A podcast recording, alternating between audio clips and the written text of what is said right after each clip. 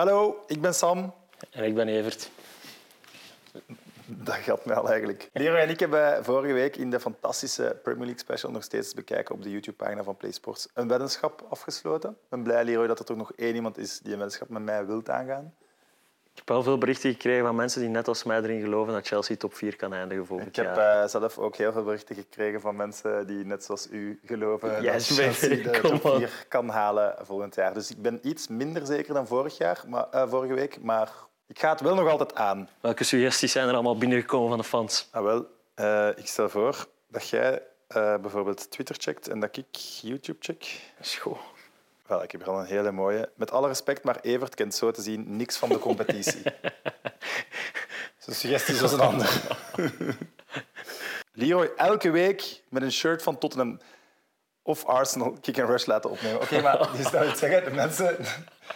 Ze gaan er wel vanuit dat ik toch win. Ja, Ook al geloof ik niet, dat zijn wel. allemaal suggesties voor u. Ja, inderdaad, de mensen die denken dat ik ga winnen, doen geen suggesties. Oeh, wel een mooie. Had Sam als Chelsea wel de top 4 haalt, je haar afscheren en een koep à la Leroy. Zou jij dat ooit doen? Jij hebt echt de minst passende kop van een kale kop te hebben, denk ik. Dat denk ik eigenlijk ook. En als ik dat doe, dan ga ik wel rechtstreeks door naar Turkije. Als ik het dan toch afdoe... Gewoon om gewoon volledig transplantatie te doen of wat? Ja. Dat is toch nog niet nodig, jongen?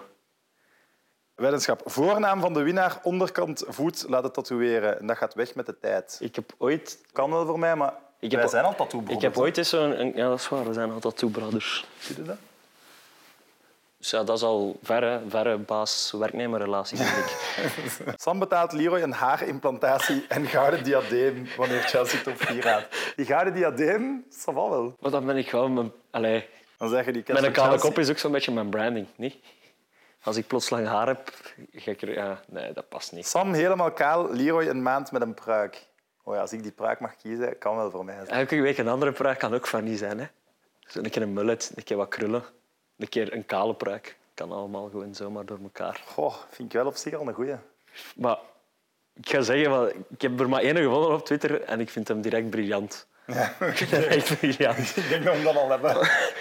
Het is ergens altijd wel stiekem een levensdoel van mij geweest. En, maar dit Oei. kan misschien het, het, duwken in de rug zijn, want het is wel vrij gênant. Ik heb altijd andere mensen er willen van overtuigen om erin te stappen, dus om het alleen te doen. Ideetje voor... Co-housing. Ide-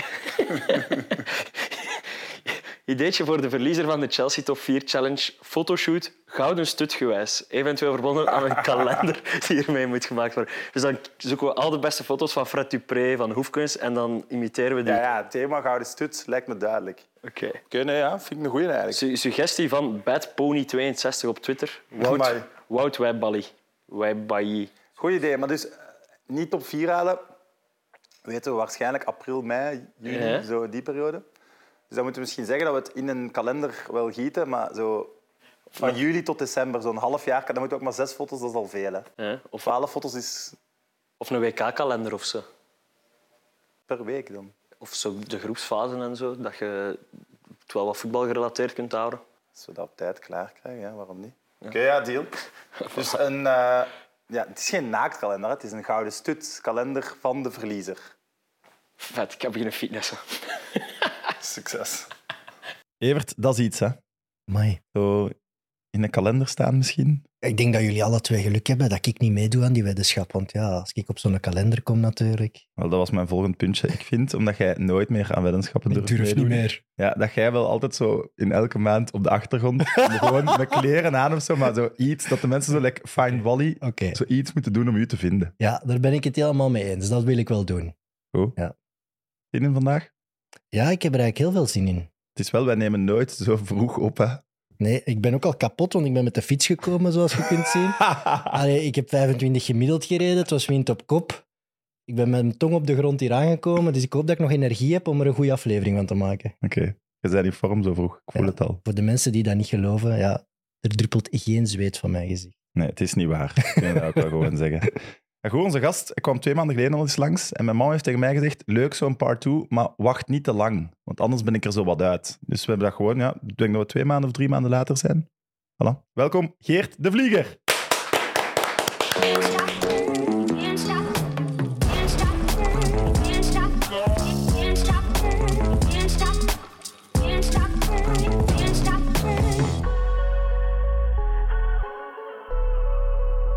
Ik wil eh, misschien beginnen met het einde van vorige aflevering. Het is nu heel grappig dat je er in de intro al een grapje over gemaakt Oei. hebt, Evert. Maar ik heb dus het einde teruggeluisterd. En daarin zei je, tegen de zomer 2023 ben ik fit en fiets ik mee met Geert. Eh, ik ben aan het trainen, maar ik ben wat later ingestapt dan gepland. Dus ik ben in april beginnen trainen. Dus ik heb nog niet genoeg trainingen om Geert te volgen. Dus ik verschuif dat plan naar het najaar. Maar ik ben wel effectief aan het trainen. Gelooft je dat, Geert? Ik geloof dat hem aan het trainen is. Ja, ik heb het al zien, zien passeren op zijn Strava. Dus, eh, maar eh, het is een proces. Trust the process. Ja. Eh, En- Ja, maar Dat is een zin die hier verboden is. Geert weet, geval- ja, jij weet dat beter als ik. Fietstraining gaat traag. Hè? Ja, ja, ja, nee, dat gaat vrij, vrij snel. Maar, eh, maar- ik snap wat je bedoelt. Ja. Eh, de, de, de, de kilo's gaan soms wat trager. Ja. Maar Je moet heel veel fietsen om, om af te vallen. Ja. Terwijl de als je, conditie wordt snel beter, maar om echt Ja. af te vallen moet je wat langer en, en, en wat meer fietsen, inderdaad. Ja. Maar daarvoor reken ik eigenlijk op uw, op uw training met Karel Hoefkes. Ja, dat moet ik ook nog plannen. En ik heb nu eindelijk terug ook eh, mijn kine, eh, kinesist terug ingeschakeld. Dus ik ben er wel echt mee bezig. Als Karel mij dan ook nog de juiste tips geeft, dan kan het alleen maar beter. Dan kan ik misschien ook aan mijn bovenlichaam beginnen werken. Allee, bon, er zijn nog Ah, je aan je plannen. onderlichaam Ja, bezig. ja, nu doe ik eerst de benen. Dat zijn knieën. Goed jongens, ik ga er, eh, ik ga er meteen wat actua bij nemen. Eh, gisteren raakte bekend dat Club Brugge te koop is. Ja. Wat vinden we daarvan? Ik vond dat verrassend. Dat kwam echt uit het niks, ja. Ja? Want als er nu van, van één een eigenaar was dat ik dacht van ja, die gaat wel echt nog lang blijven zitten, dan was het wel Bart Verhagen, omdat die wil toch nog dat stadion bouwen. Dat dacht ik altijd. Die gaat niet weg voordat dat stadion af is. En nu wil hij misschien toch al verkopen, nog voordat daar een steen gelegd is. Daar verschoot ik wel van. Word jij verschoten, Geert? Eh, ja, eh, qua, qua timing alleszins. Aan de andere kant te weten eh, in welke wereld eh, Bart Vragen zich, zich eh, ja, waar hij in rondloopt. Hè. Dus dat, dat is de financiële wereld, dat is, dat is zaken doen. Ehm, maar ja, ik heb wel het gevoel dat, dat het toch een stuk zijn kind geworden is, Club Brugge. Ehm, die hem niet eh, morgen een andere club kopen om dan met dezelfde passie daarmee aan de slag te gaan. Nee. Dus dat, dat verrast dan wel aan de ene kant. Eh, ja, aan de andere kant, er zijn misschien ja, bepaalde dingen gebeurd de voorbije tijd, de voorbije jaren, waardoor je op een bepaald moment ook wel ziet van dat er een limiet is. Hè. Je hebt het, het stadionverhaal. Je Dat doet het- hem wel pijn, denk ik, dat dat zo lang duurt allemaal. ja, absoluut. Ja, ik ben ik ben twaalf jaar geleden gestopt en het was toen al aan de gang. Het stadion staat er nog altijd niet. Eh, eh, ik weet niet hoeverre dat verhaal met Vincent Manhart ermee te maken heeft. Dat is ook een tandem waar ja, wat, wat kraak op de ketting zit, zeg maar. Hoe hij dat verhaal verder ziet, hoe daarin in, in slaagt om daar een, een succesverhaal van te maken in de toekomst. Dus er zullen wel wat dingen spelen. Het sportieve verhaal, dat, dat blijkt toch ook niet zo makkelijk te zijn, hebben ze dit jaar gemerkt. Dus ja, dan, dan ga je nadenken en dan, dan merk je dat tegenwoordig alle clubs te koop staan. Iedereen En- is te koop, Zot, hè, ja, natuurlijk. Ja. eh, en daarom gaat het misschien ook nog niet direct gebeuren. Hè, maar het lijkt me logisch dat je, als je zo'n financieel verhaal eh, maakt en schrijft en, en aangetimmerd hebt, dat je dat op een bepaald moment ook wel eens wil laten bekijken van oké, wat kan dat opbrengen? Heel veel. Eh, heel veel. In het geval ja, van zeker, Brugge heel veel. Zeker als je ziet waarvoor ze het gekocht hebben, Ja. natuurlijk. Hè. Nee, maar als je dat nu ziet, eh, de bedragen die worden genoemd bij Club Brugge, ben ik wel benieuwd wie dan geïnteresseerd is daarin. Want je, ja, een Kortrijk kopen of een, of een KV Mechelen kopen vanuit, vanuit de Premier League of van grote investeerdersgroepen, dat is makkelijk. Dat, dat gaat over kleine bedragen. Dat Je kan gaat je ook Club Brugge niet kopen als satellietclub, echt. Nee, Dat niet, hè? Dat is het. Die, die zijn zoveel waard. Ja. Daar zit ook een heel grote achterban achter. Er wordt want- veel verwacht. Je kan dat niet zomaar kopen om wat spelers te stallen of door te verkopen. Zo gaat dat niet bij een Dus topclub. de Citigroup zie jij niet gebeuren, bijvoorbeeld. Nee, dat zou ik heel raar vinden. Allee, tenzij dat ik nu mis ben. Hè? Ja, ik weet ik, ik kan, ik kan eh, moet ik vaak zeggen, de, de achterliggende redenen niet altijd goed inschatten. Als ik de, de, de Kortrijk, Oostende, eh, andere verhalen allemaal zie, dan denk ik ook van ja, uiteindelijk eh, is het toch wel heel vaak, spelers. heel vaak een, een sisser Ja. waar, het op, waar het op afloopt. Hè. Dus die, die verkopen en aankopen van die clubs, dat gemarchandeer. Ik ben er niet altijd helemaal in mee. Ik denk dat er nog veel andere dingen achter de schermen spelen die, die we niet goed weten. Maar dat Club Brugge in, in, die, in die jaren, eh, de voorbije jaren, echt een, een, een interessant product geweest is. Oké, dat is ook de verdienste van Bart Verhagen. Toen ik stopte bij Club Brugge, zat Club Brugge eigenlijk ook ergens op een, op een doodlopend spoor en moest er een heel nieuwe weg ingeslagen worden. Eh, dat was een project van drie jaar in eerste instantie. Ja, dat, dat lukte niet, want dat was ook met vallen en opstaan. Ja, Laat het voor anderen echt een voorbeeld zijn dat het niet altijd met, Kom op. meteen lukt. Ja, maar dat is zo. maar Tuurlijk, maar nee, nee. vijf jaar later, ja, toen, ja, toen stond het er wel. Als je ziet hoe, ze nu, hoe ze nu met hun trainingscomplex, met hun resultaten. Dus Ik vind dat niet het- rap, maar ik snap wel wat je bedoelt. Maar Eh, ik heb, ik denk ik heb dat- ook wat jij bedoelt. Ze, zijn Rap- super dominant hè, de laatste vijf jaar. Ze zijn de grootste club van België ja, voilà. denk ik. De laatste En- vijf jaar zeker. Het heeft misschien dubbel zo lang geduurd al- als Vragen het wou. Ik denk dat elke ondernemer heel gretig is als hij aan zo'n avontuur begint. En het heeft tien jaar geduurd, laten we ons zo zeggen. En ik denk dat dat voor hem ook Ja, wel... het heeft geen tien jaar Nee, geduurd natuurlijk. Maar, nee, maar maar, nu... na, op- vijf, na vijf jaar eh, Ja. stop, allee, begonnen ze eigenlijk aan het verhaal dat ze, dat ze wilden schrijven. En, En misschien heeft hij het gevoel dat hij met, met zijn kennis en zijn middelen en zijn netwerk het er maximaal heeft uitgehaald. Maar dat kan wel ook een- hij heeft er een waar zijn stabiele topclub van gemaakt. Ja. En wat nu?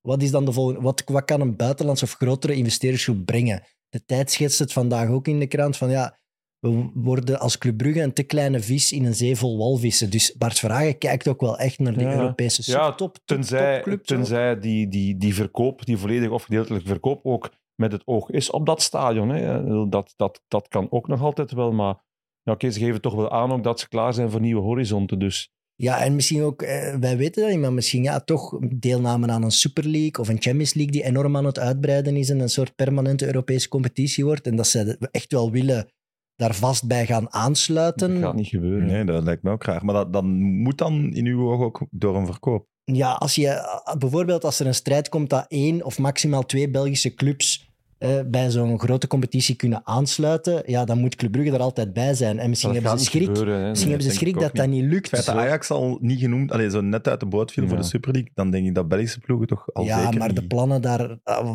zijn aan het wijzigen, denk ik. Ze gaan die kleine landen wel pleasen door de topclubs wel te laten Ja, meedoen, maar oké, denk dan ik. kom je terug bij het huidige Champions League verhaal Ja. uit. Hè? En dan heb Ja. je geen Super League meer. Dus dan, dan zit je toch met het, met het gegeven dat je, dat je nu hebt. eh, ik, ik kan me in- niet inbeelden dat, dat men Premier, clubs, Premier League clubs eh, gaat aan de kant laten om een Belgische club daarbij te halen. Die, die zijn allemaal, Denk ik ook. die zijn bijna allemaal groter dan een Belgische topclub. Dus dat, dat wordt een moeilijk verhaal, denk ik. Ja, Genk buiten beschouwing laat, want dat is natuurlijk eh, VZW. Ja. Maar hoe lang duurt het voor, behalve Genk, dan alle ploegen in buitenlandse handen zijn, denken we? Eh, we zijn er bijna eigenlijk. Hè. Het zijn er niet veel niet meer. Hè. Je hebt, eh, van, de, van de grotere clubs heb je nog Agent, Club Brugge, Anderlecht. Eh, Antwerpen. Antwerp, ook ja, natuurlijk. Ja, maar- ja. eh, Dat ze, dat ze in buitenlandse handen zijn of, of zullen komen, eh, dat is een, een normaal gegeven. Maar wat ik nu mij, mij de vraag stel, is wat, wat erna? Als ik nu kijk, eh, eh, Kortrijk, eh KVO Stende, eh Cercle Brugge. Cercle Brugge, ja. Eh, wat als morgen eh, eh, zo'n zo'n grote club zegt van kijk, het, het hoeft voor ons niet meer en eigenlijk hier iemand die geïnteresseerd is mag het hebben. Eh, wie gaat er dan nog zeggen van wij, wij, willen, wij willen Kortrijk hebben?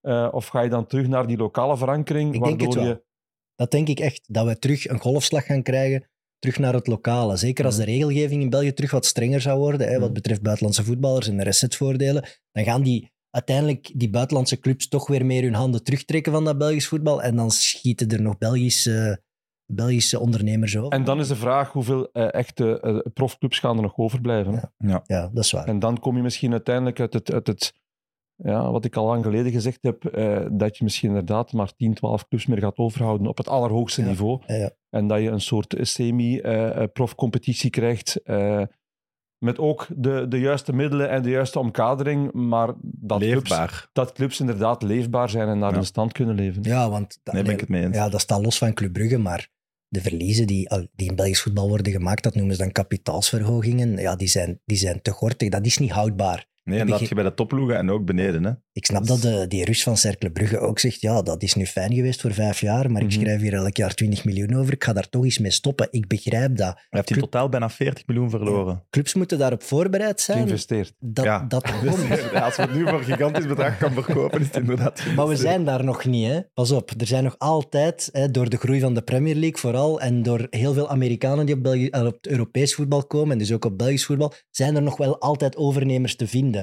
Maar denk, geef dat nog een paar jaar, ik denk dat dat eindig is. Het wordt dan toch ook een, een bubbel Ja. vol lucht. Ja, voilà, dat denk ik Ja. ook. Ja. Ja, nog één vraag erover. Is dat in het buitenland ook zo erg? Allee, erg?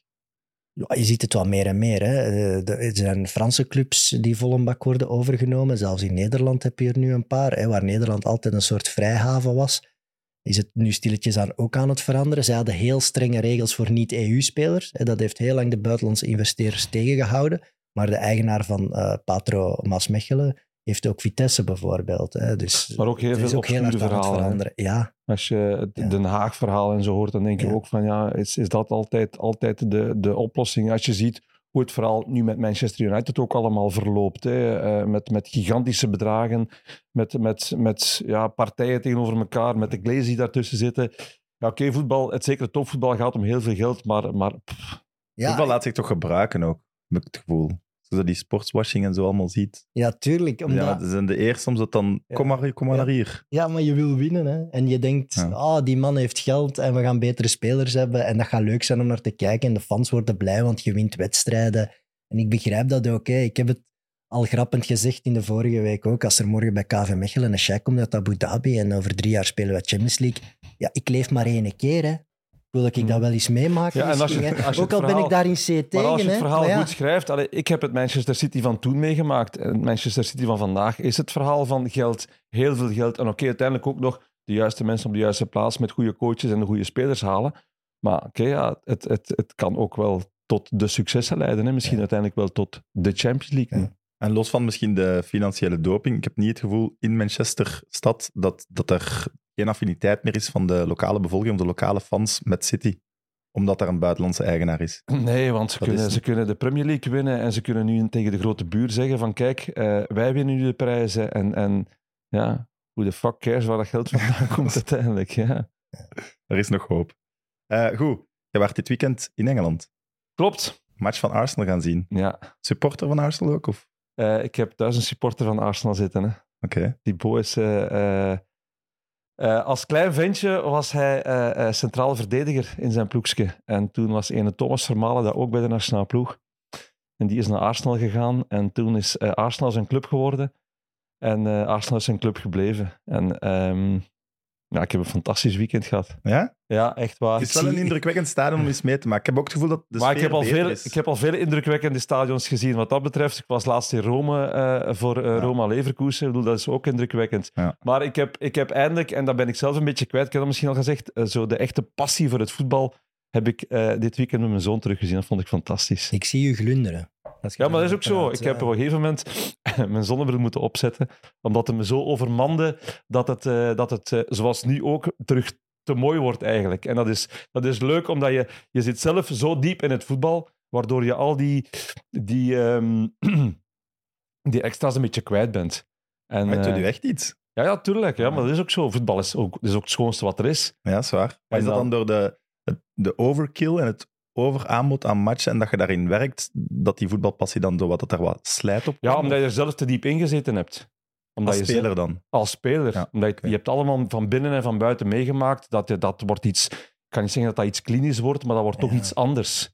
Dat wordt iets anders. En je moet dat ook... Op een bepaald moment moet je dat ook een beetje kunnen loslaten. Dat winnen en dat verliezen. Want als je eh, door dat verlies... eh, als je sommige supporters op maandag ziet na verlies van een club, moest je dat als speler ook zo beleven, ja, dan, dan blijf je niet overeind. Dus je moet dat op een bepaald moment ook wel een beetje, een beetje loslaten. Ehm, maar, maar ja, Thibaut is dan supporter geworden van Arsenal. Die heeft eh, vele magere jaren mee- meegemaakt de laatste, de laatste tijd.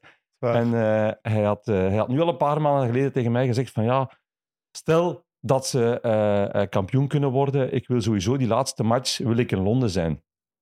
Eh, of ik op de match raak of niet, ik, wil, ik wil in de buurt van Arsenal, wil ik het dan toch meemaken. Toen dacht ik van ja, als er iemand toch iets moet kunnen regelen om, om bij die match te zijn, ja, Dan, zou het, dan zou het ik toch wel moeten zijn. Dus lijkt me nu ook. Gelukkig hebben wij een fantastisch productieteam bij ons bij PlaySports. Dus een van die mannen, Renzo, heeft zich aan, aan het werk gezet. En die heeft inderdaad weer accreditaties geregeld om naar de match te gaan kijken. En ehm, eh, wij gaan die oppikken.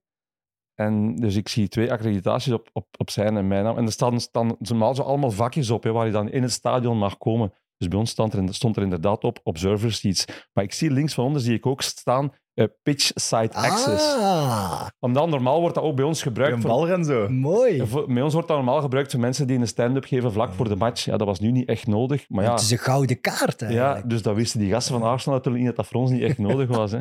Dus dan leert de ervaring als je met zo'n badge redelijk gedecideerd overal doorstapt, dat je uiteindelijk inderdaad eh, bij de laatste die dan zegt... Gewoon op het veld staat bij ja, eh, letterlijk ook. Hè. Dus die, de laatste die zei dan van, ja, you better go through the tunnel, zegt hem, dan eh, then you're on the pitch. Dus ja, Oké. met die... Ja, Vol vertrouwen. vol vertrouwen. Ja. En dan Je hebt trap een, een fake stand-up gedaan. die Dan, nee, nee, nee, nee, weggezet. nee, nee, nee, nee, nee, want we waren, we, waren eigenlijk, we waren eigenlijk toegekomen en we gingen eerst nog naar, naar de fanshop gaan, want dan gingen we eens kijken voor een truitje of zo. Maar ja, we waren dan zo door heel de catacombe doorgeraakt dat we eigenlijk twee uur voor de wedstrijd al op, het, op de andere rand van het veld stonden. En eh, ja, we zijn er blijven staan. Hij heeft van dicht bij de opwarming meegemaakt.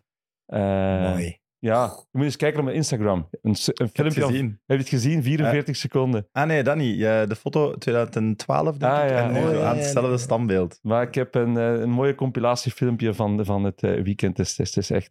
ja, ik heb het al een keer of honderd bekeken, denk ik. Dus het is, het is mooi. Maar het, het toont wel weer aan waarom ik ook ooit beginnen voetballen ben.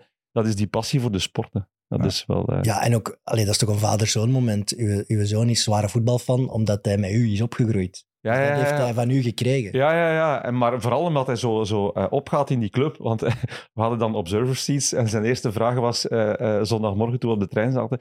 Hij zegt, eh, eh, mag je daar ook recht springen als er een goal gemaakt wordt?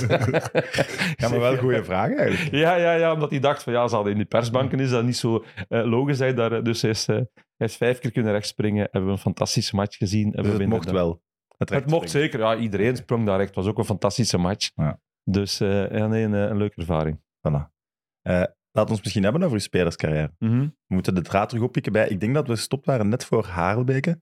Ik stel voor dat we daar terug beginnen. En ik heb een aflevering van Kick and Rush van enkele jaren geleden eh, opnieuw beluisterd. En daarin zeggen dat eh, uw jaar bij Harelbeke een enor- enorme impact heeft gehad op de rest van uw carrière. Ja, Wat bedoelt je daarmee? Eh, dat was een, een heel bewuste keuze toen om eh, ehm, uitgeleend te worden door Anderlecht aan, een, aan een club die op dat moment Intertoto voetbal gehaald had, maar geen, ja, niet zo groot was als Anderlecht, maar die me wel de kans gaf om te blijven spelen. Eh, en dat was een jaartje op uitleenbasis. Eh, het was duidelijk dat, dat ik bij Anderlecht dat jaar niet veel zou spelen.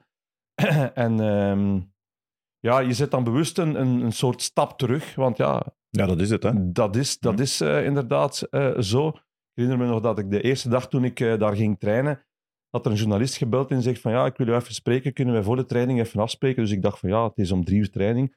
Ik laten we om één uur op de club afspreken, dan, dan doen we het interview voor de training. En ik kom daar eh, kwart voor één toe. Alles was dicht. Er was niemand. Ik bedoel, er komt een uur, een uur voor de training komt daar iemand eh, het stadion open doen, de kleedkamers open doen en kon er getraind worden. Maar dat was toen nog... Allee, dat was toen niet dat dat een bedrijf was dat elke dag. Dus we stonden er eigenlijk... Dat kom je van, het, van Anderlecht, dat je denkt van ja, daar is een hele dag begankenis in het stadion. Nee, daar ging een uur voor de training de deur open en werd er getraind en ging je terug naar huis. Dus dat was inderdaad wel eh, qua club bewust een stap terug. Maar ehm, ja, ik ben toen in eh, oktober, november, denk ik, eh eerste keer opgeroepen door eh Georges Lekes. Eh, want ik heb daar sportief een heel goed jaar gekend. Eh, ik heb echt volledig kunnen, kunnen, kunnen ontplooien. Eh, een heel goed jaar gekend. Eh, voor de eerste keer Rode Duivel geworden. En, en ehm, ja, dat heeft inderdaad de, de, de poort geopend naar... Rode Duivel eh, als speler van Harelbeke. Ja. Dat gaan er niet veel geweest Ah, wel, zijn. ik wou net zeggen, jij bent misschien de enige. Dat kan wel, denk ik. Eh, ja, oké. ja, ik die was- tijdens zijn periode bij Harelbeek Ja, is opgeroepen ja, voor ja, de nationale ploeg. Zo, zo zijn gaan er de, niet veel de zijn. legends van Harelbeke? Joris de Tollenaren ja. en Van Azenbroek. Het was, het, was, het, Verschelde. was na het, Ja. het was na het WK 98 hè, dat, dat redelijk dramatisch verlopen is eh, eh, voor de Belgen, waar ze dan toch bij de eerste selectie na dat WK eh, wat, wat jonge jongens eh, eh, een kans gingen geven, wat, wat opkomende talenten. En ik was toen samen met eh, eh, Ronnie Gaspersic. Ah, ja, uw voorganger bij Harelbeek. Ja, ja, die was een toen- fenomenaal seizoen Wel, maar had die was, en toen, die die was toen vertrokken naar Spanje hè, en, en eh, in, in, de, in de loop van de voorbereiding. En daardoor kwam er bij, bij Harelbeek een plaats eh, vrij. En ja, ik zocht nog een leuke plek om, Ja. of een interessante plek om uitgeleend te worden dat jaar binnen België. Dus dat is, dat is Harelbeke Ja. geworden. En, en ja, dat heeft voor mij inderdaad die, die, die poort naar de nationale ploeg geopend. Want het was een belangrijk moment. En na dat WK moest je zien dat je speelde om, ja, om, om in die picture te Ah, geraken. Euro Want 2000 kwam eraan. Het Belgisch voetbal keek daar enorm naar uit. Daar Ja. moest je absoluut bij zijn. Daar moest je Ja. bij zijn, inderdaad. Dus ehm, dat is dan de reden geweest waarom ik, waarom ik naar Harelbeke gegaan ben. Eh, ik ben dan uiteindelijk, ja, na dat jaar Harelbeke, zou ik naar Club Brugge gaan, eh, waar ik getekend had, wat uiteindelijk dan eh, in duigen gevallen is. Maar daarom ben ik dan eigenlijk, eigenlijk ook daarna dan naar Willem II vertrokken, omdat ik wist in 1999 van kijk, ik moet blijven spelen. Ik, eh, ik wil die plaats bij die Rode Duivels eh, eh, vasthouden. En, en vandaar dan het vertrek naar Nederland. Want mensen kunnen dat... Allee, veel jonge luisteraars gaan dat misschien niet kunnen snappen, maar Harelbeek in eerste klasse, hè, het Forestierstadion. Ay, dat was ongezien eigenlijk. Hè. Die hebben een paar heel goede jaren gehad. Die zijn een keer top 5 geëindigd. Bekende zondagnamiddag voetbal. Hè? Eh, ja, altijd drie uur in de Ja. namiddag. Ja. Eh, ja, geweldige. Allee, dat is zo echt een club uit mijn jeugd. Hè, met Ja. inderdaad Hein van Azenbroek, Vroenza. Eh, Ook een leuk stadion. Een leuk stadion gemaakt op de middenmoot in, Ja. in België. Met, met een, een, Maar wel toch, eh, ja, misschien toch te klein voor dat niveau, maar ja, is wel charmant. Maar toen wel, maar het is misschien ook niet heel onlogisch dat het, het werd toen ook ondersteund door ja, de, de lokale Zuidwest-Vlaamse ja, eh, ondernemers. Dat uiteindelijk ook, ja... er waren ook heel veel clubs op die, in die ja, regio ja, ja, ja, natuurlijk. ja, je had er wel, Nog ja, altijd. met, met, met Ja. Kortrijk, met Waregem, je had wel wat clubs. Maar op dat moment is dat voor mij inderdaad de, de, de beste keuze gebleken.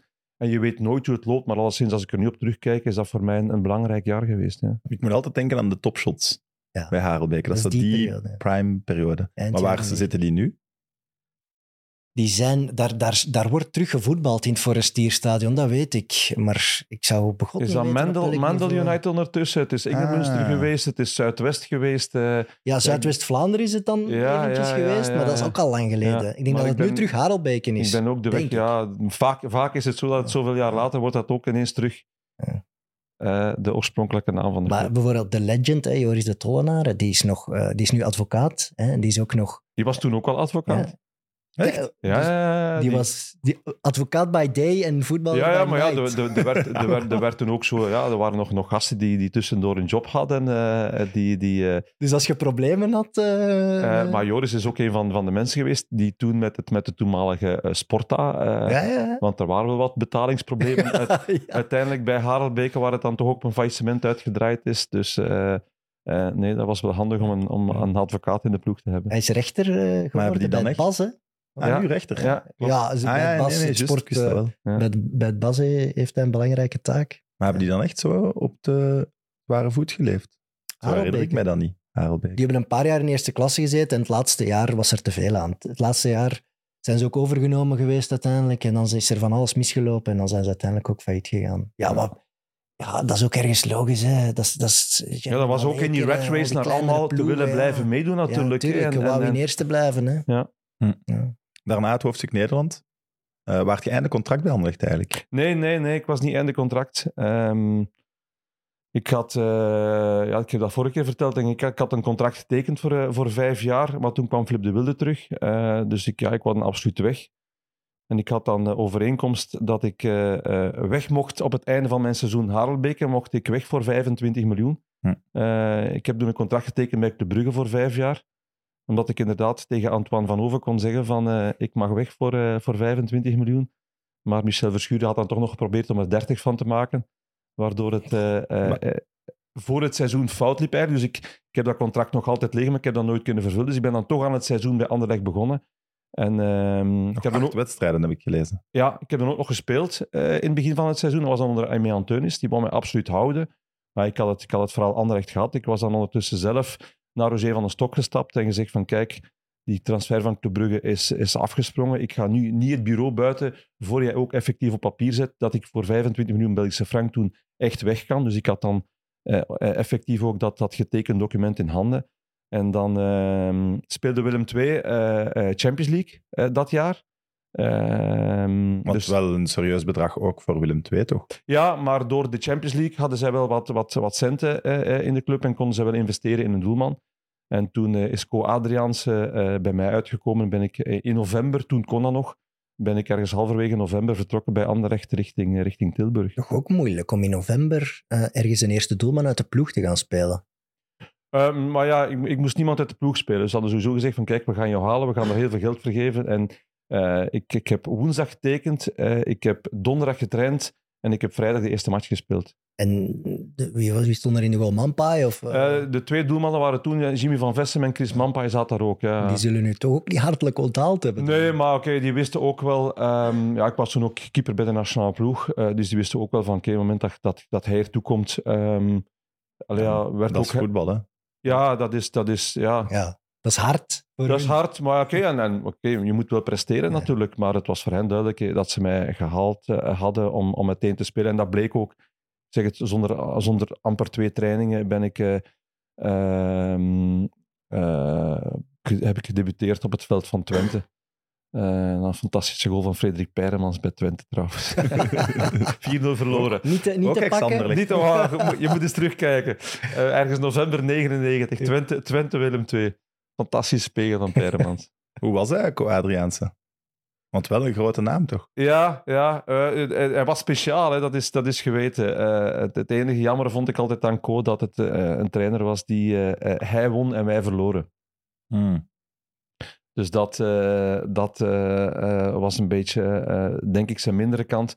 Maar voor de rest een trainer die ja, met, met Willem II Champions League voetbal gehaald heeft. Dus hoe je het draait of keert, op een bepaald moment had hij wel die, die groep zo in, zijn, in, zijn, ja, in zijn macht, is misschien verkeerd uitgedrukt, maar, maar had hij die ploeg zo mee dat hij, want dat was geen wereldploeg, dat hij die wel Champions League voetbal doen spelen heeft. Dus dat is eigenlijk wel een, een topprestatie geweest. Ehm, Ja, ze waren tweede. ja, ja, ja, ja, ja. Ik denk dat ze na de winterstop ja, misschien nog één punt verloren hadden toen het jaar daarvoor en voor de rest alles gewonnen. Dus. En was dat dan de Hollandse school of hoe speelde hij dan? Was ja, dat heel- was de Hollandse school. Hè. Dat, was, dat was ook bij momenten gewoon één op één eh, overal. Waardoor we af en toe wel eens flinke patatten kregen ook. En dan zeker, eh, hij heeft op die manier de Champions League gehaald het, het seizoen ervoor met Willem II. Eh, omdat dat, je zit dan in een flow. Maar op het moment dat dat dan niet meer lukt, dan wordt dat één op één. En dat, dat offensieve verhaal, ja, dan wordt dan eigenlijk een beetje je zwakte natuurlijk. Hè, want je gaat dan die één tegen één duels niet meer winnen, waardoor je eigenlijk constant open deurvoetbal krijgt. En, en dat werd dan wat moeilijker. Dus ja, mm,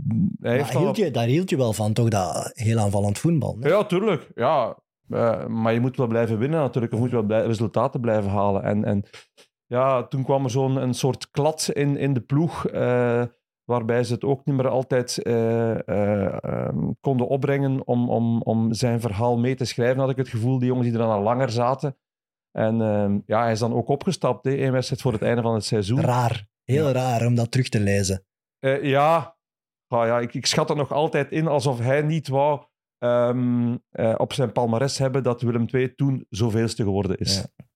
Zo heb ik het altijd aangevoeld, want het was echt... We moesten nog één wedstrijd spelen op MVV. En, en ehm, ja, hij heeft, hij heeft de situatie dan zo op de spits gedreven eh, dat hij... eh, want we hadden de week ervoor verloren, denk ik. En dat hij eh, na de wedstrijd ineens zei van ja, we gaan volgende week elke dag twee keer trainen. Terwijl hij eigenlijk wist van oké, als je met zo'n verhaal afkomt, dat, dat, dat pikt zo'n groep niet, want dat, dat, dat was echt, was echt de, boel, de boel bruskeren eigenlijk.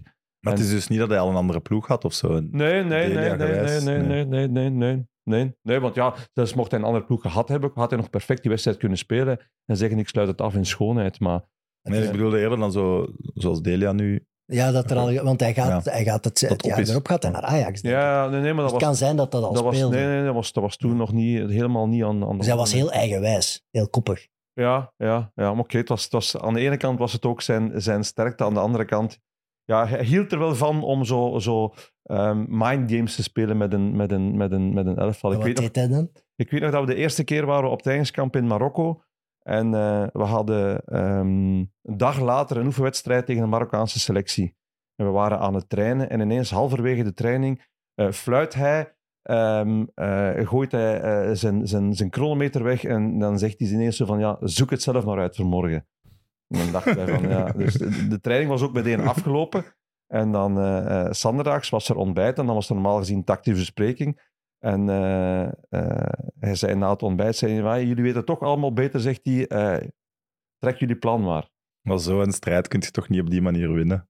Dat Nee, weet- maar hij- hij ook. Zijn plan was dus, allee, ja, eh, zijn, zijn bedoeling was eigenlijk van, kijk, eh, ik, ik wil nu eens zien wie hoe reageert. Wie zijn de leiders? En wie gaat nu opstaan van, van... Want hij had alleen elf namen op het bord gezet. Hij zegt, deze mannen mogen starten vanavond. Dus hij had elf namen op het bord gezet. Eh, geen tactiek, geen eh, eh, eh, eh, hoge pressing, lage pressing, eh, geen eh, spelervattingen, niks van alles. Dus we moesten het eigenlijk allemaal volledig zelf... Dus ja, uiteindelijk had je ook wel door wat zijn, wat zijn bedoeling was. Hij, want hij zat dan wel van op afstand te kijken van, van wie doet nu wat en wie, wie eh, trekt zich van niks niks aan. Dus, dus Het zou mooi Zet zijn. jij dan ja. iemand die zich manifesteert in die Ja, groep? Of? als, als keeper ben je wel redelijk eh, eh, met de stilstaande fases bezig ja, met de spelervattingen. Want eh, hoekschoppen en, en, en vrije trappen is het wel belangrijk dat die muur redelijk goed staat Ja. en dat de juiste mensen in de muur staan. Dus ja, je hebt sowieso vanuit je... allee, vanuit mijn ervaring was het ook eh, eh, ehm, bijna mijn, mijn taak om dat te doen.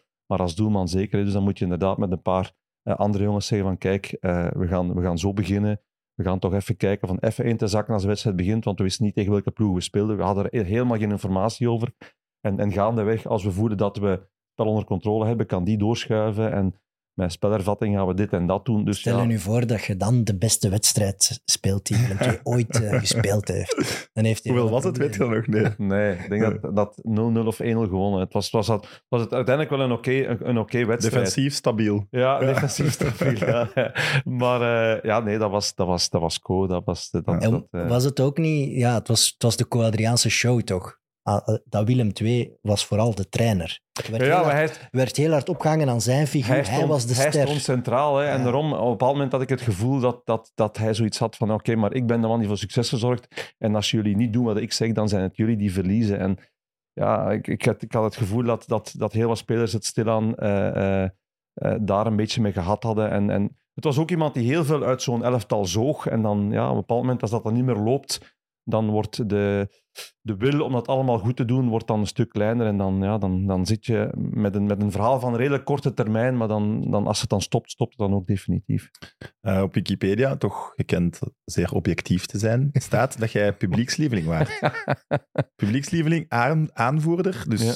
ook voor u toch een speciale periode, een speciale club dan. Ja, maar, maar eh, eh, Brabant, hè, eh, eh, eh, eh, Nederlands-Brabant is, is, echt, is wel een toffe streek. En dat is een, een, eh, maar dat is, dat is, PSV heeft dat ook. Dat is Vlaanderen toch een beetje. ook ja, dat is een beetje Vlaanderen. Ja. Eh, eh, Tilburg heeft dat ook. En ik heb, ik heb eh, eh, vaak gezegd, als je als, je als speler in, in, bij Willem II toekomt en je kan daar niet aarden, dan ligt het aan jezelf. Dan ligt het niet aan, aan, aan de club. Want de club is echt een club eh, die, die, die spelers kansen geeft, die, die alles eh, perfect probeert te doen, die, die inderdaad ook eh, zich meer verbonden voelt met Vlaanderen dan met wat er boven de Moerdijk allemaal gebeurt. En, en ehm, ja, Willem II staat bij mij ook voor, voor eh, ehm, de, de topperiode uit mijn carrière eigenlijk. Hm. Gelinkt met de nationale ploeg dan, want ik ben Ja. in 2002 eh, met, de, met de Rode Duivels naar het PK in, in Japan en Zuid-Korea geweest. Dus, Gaan we het zelfs zeker nog over ja, hebben. dus da- daarom, daarom ik, ik heb er ook 4,5 jaar gespeeld, met heel veel plezier. Ehm, dat was het buitenland, maar dat was ergens ook niet het buitenland. Ehm, maar ja, eh, alleszins, eh, qua club heb ik daar heel fijne herinneringen aan. Hoe moeten we dat doen, het niveau met, in vergelijking met de Jupiler Pro League? Vergelijken, Eredivisie Jupiler Pro League? Eh, dat was een subtopper, maar een subtopper die op dat moment wel ehm, eh, naar Nederlandse normen over een stadion beschikte waar 15.000 mensen comfortabel ontvangen werden. Een, een volledig rond stadion. Niet zo de bric-à-brac van de stadions die wij in België kenden. Eh, Kenden. De, de- kennen nog Ja. Dat is nog niet weg. nog altijd, ja, voilà. En dat, dat, dat, dat, is een groot verschil. Waar je qua accommodatie, qua omkadering eigenlijk, ja, en, en eh, eh, zeg maar, het, qua, qua clubniveau, qua organisatie, ging ik er zelfs op vooruit vergeleken met Anderlecht. Maar hebben ze, hebben ze bijvoorbeeld... Ah ja, sorry, dat was misschien... Ja, ik wou het over iets anders beginnen, maar dat is misschien nog wel interessant. Nee, nee, maar ja, ik wou zeggen, ze hebben niet het broeierige van NAC Breda of ADO Den Haag, toch? En Bijvoorbeeld. nee, iets Het is minder. toch een bravere club? Dus het wordt een beetje, eh, eh, kleine Ajax werd het ook wel genoemd vroeger, omdat ze inderdaad, eh, de, de clubfilosofie was ook dat 4-3-3 systeem, van het, dat systeem van daaruit voetballen, verzorgd voetbal brengen. Ehm, eh, ja, net iets, net iets, iets, iets eh, ja, eh, niet het, het vechtvoetbal van een. Verfijnder proberen het verfijnder proberen, ja. ook op, op, op, op die manier eh, de spelers aantrekken. Echt met de buitenspelers, Adil Ramzi, eh, eh, die gasten, die, die Thomas Galasek, middenvelder. dat, dat waren de type spelers die Sami Hipia als centrale verdediger, dat waren de mensen die perfect pasten bij de, de, de voetbalfilosofie van, van Willem II. En dan was het af en toe wel eens, ja, als het misging, ging het vaak over het, ja, het waren, het waren de schooljongens tegen, tegen de grote mannen, omdat we dan in zo'n strijd tegen NAC verloren. Maar als we dan daarna het, het wonnen op ons voetballende kwaliteiten, was het wel, zie je het wel, ze kunnen wel voetballen. Kon het daar ontploffen in het stadion? Kon, was, het daar, was het daar hevig? Eh, wij hebben onder andere, denk ik, twee keer de derby tegen eh, eh, PSV gewonnen. Ja, dan, dan ontploft het. Omdat het ook, ja, ik weet niet of je, of je het stadion ken- Ik kent. ben er het één is, keer geweest. het is ja. helemaal vol. Het is, het, is, het is rond één ring, maar helemaal rond en, en, en ja, 15.000 mensen. Dus als, dat is- als, daar, als daarin gevoetbald wordt is dat, en er is, wordt resultaat gehaald, is dat een sfeer die daar binnen hangt. En ook heel mooie shirts. En, en eh, ja, shirts die, Ja. die eh, een traditie Heel hebben. herkenbaar. Ja, die, super die, eh, herkenbaar. die heel herkenbaar zijn met, met de kleuren en, en met de strepen. Ja. En waar eigenlijk nooit, nooit aan, aan, aan geraakt wordt. Hè. Je werd net onderbroken door mijn eh, Ja, collega. dat maar doe ik de wel vergelijking met, eh met Anderlecht, een stap Ja, vooruit, omdat- infrastructuur dan? Of... Eh, nee, qua organisatie ook. Eh, eh, een, qua, qua commerciële organisatie, sportieve organisatie, catering. Het, het Willem II-stadion was toen al een stadion waar je, waar je dag in dag uit toekwam op een overvolle parking, omdat daar constant events, bedrijfsevenementen, eh, allerlei dingen georganiseerd werden. Dat was echt al een, een, een, bedrijf, zoals Anderlecht deze dagen ook uiteraard is. Maar toen, ja, ik spreek nu over eh, 1999, 2000, was, dat, eh, was dat toch al van een andere orde dan, dan hier in België. Ja, dat wel. Ja, en op dat vlak denk ik een gigantisch verschil België-Nederland. Ja, dat is voor- nu wel veel minder. Hè? Vooral omdat het... Wel nog altijd een klein ja, verschil, maar... Vooral omdat het niet, geen, geen Ajax of Feyenoord was. Hè, dat Hm. zelfs een subtopper in Nederland daar al mee Ja, maar bezig kijk, was op Utrecht en zo ook, hè. Ja. Ja, ja. Die Utrecht, stonden ook echt Twente, fel voor, hè, op eh, onze Vitesse, middenmoot. Roda, dat waren allemaal de clubs die op dat moment inderdaad die, die transitie gemaakt hadden van en een nieuw stadion. En bij zo'n nieuw stadion hoort ook een, een organisatie qua, qua commerciële dienst, qua horeca. Dat was, dat was echt bedrijfsmatig, was dat al, al, van een andere orde dan toen de Belgische clubs. Ja. Die zijn erin wel gevolgd uiteindelijk. Volgt je Willem II nu nog op de speciaal? Of... Eh, ja, Niet dat meer. is logisch dat je nog wel eens de resultaten eh, eh, volgt en dat je nu weet dat ze de na-competitie niet gehaald hebben. En, en ja, je, je, hebt, je hebt wat namen zien passeren. Joris Matthijssen is sportief directeur geweest ondertussen daar weg en zo. Dus ja, je pikt nog wel wat dingen op. Is die Razak, is dat een goeie? Ja. Ik heb het gelezen dat Anderlecht interesse heeft in iemand van Willem 17 II. jaar. Toptalent. 17 jaar. Nee, ik ken hem niet. Ik heb hem nooit zien ik heb, shotten, Ik heb dus- het ook gelezen, Ah, maar ik, ik heb hem ook niet zien voetballen. Dus Nee. ik kan het niet, ik kan het Maar niet het is, het, is wel, het is wel gek dat een ploeg als Willem II daar nu zit en daar ook niet, niet wegraakt op dit moment. Oké, tweede klasse in Nederland is uitzonderlijk sterk, omdat er Ja. vrij veel grotere ploegen in Ja. zitten. Ja, inderdaad. Maar Willem II moet hebben- toch altijd eredivisie top, ja, top 10, top 12 ambiëren, altijd. Eh, ja, maar Ja. zoals je weet in voetbal... eh, kijk naar de Premier League nu. eh, Leicester en Leeds gaan er ook uit. hè. en zo Dus, iemand eh, als Joris Matthijssen is toch ook ergens een, een, een- ja, echt een club, clublegende. Die Ja, maar die, uiteindelijk- doorgebroken, maar die uiteindelijk ook door, door die resultaten en door het gebrek aan resultaten eh, het, het moeten we kopen heeft. Hè. Dus eh, ja, ze horen eigenlijk op een hoger niveau thuis, maar je moet ja, aan die weg terugtimmeren en eh, dat bleek toch niet zo makkelijk te zijn. En eigenlijk in de na-competitie hebben ze het weggegeven nu. Uh, Moussa Dembele voor AZ, ook niet Willem II. Ja, Ja, ja, ja, ja. de fantastische Ja.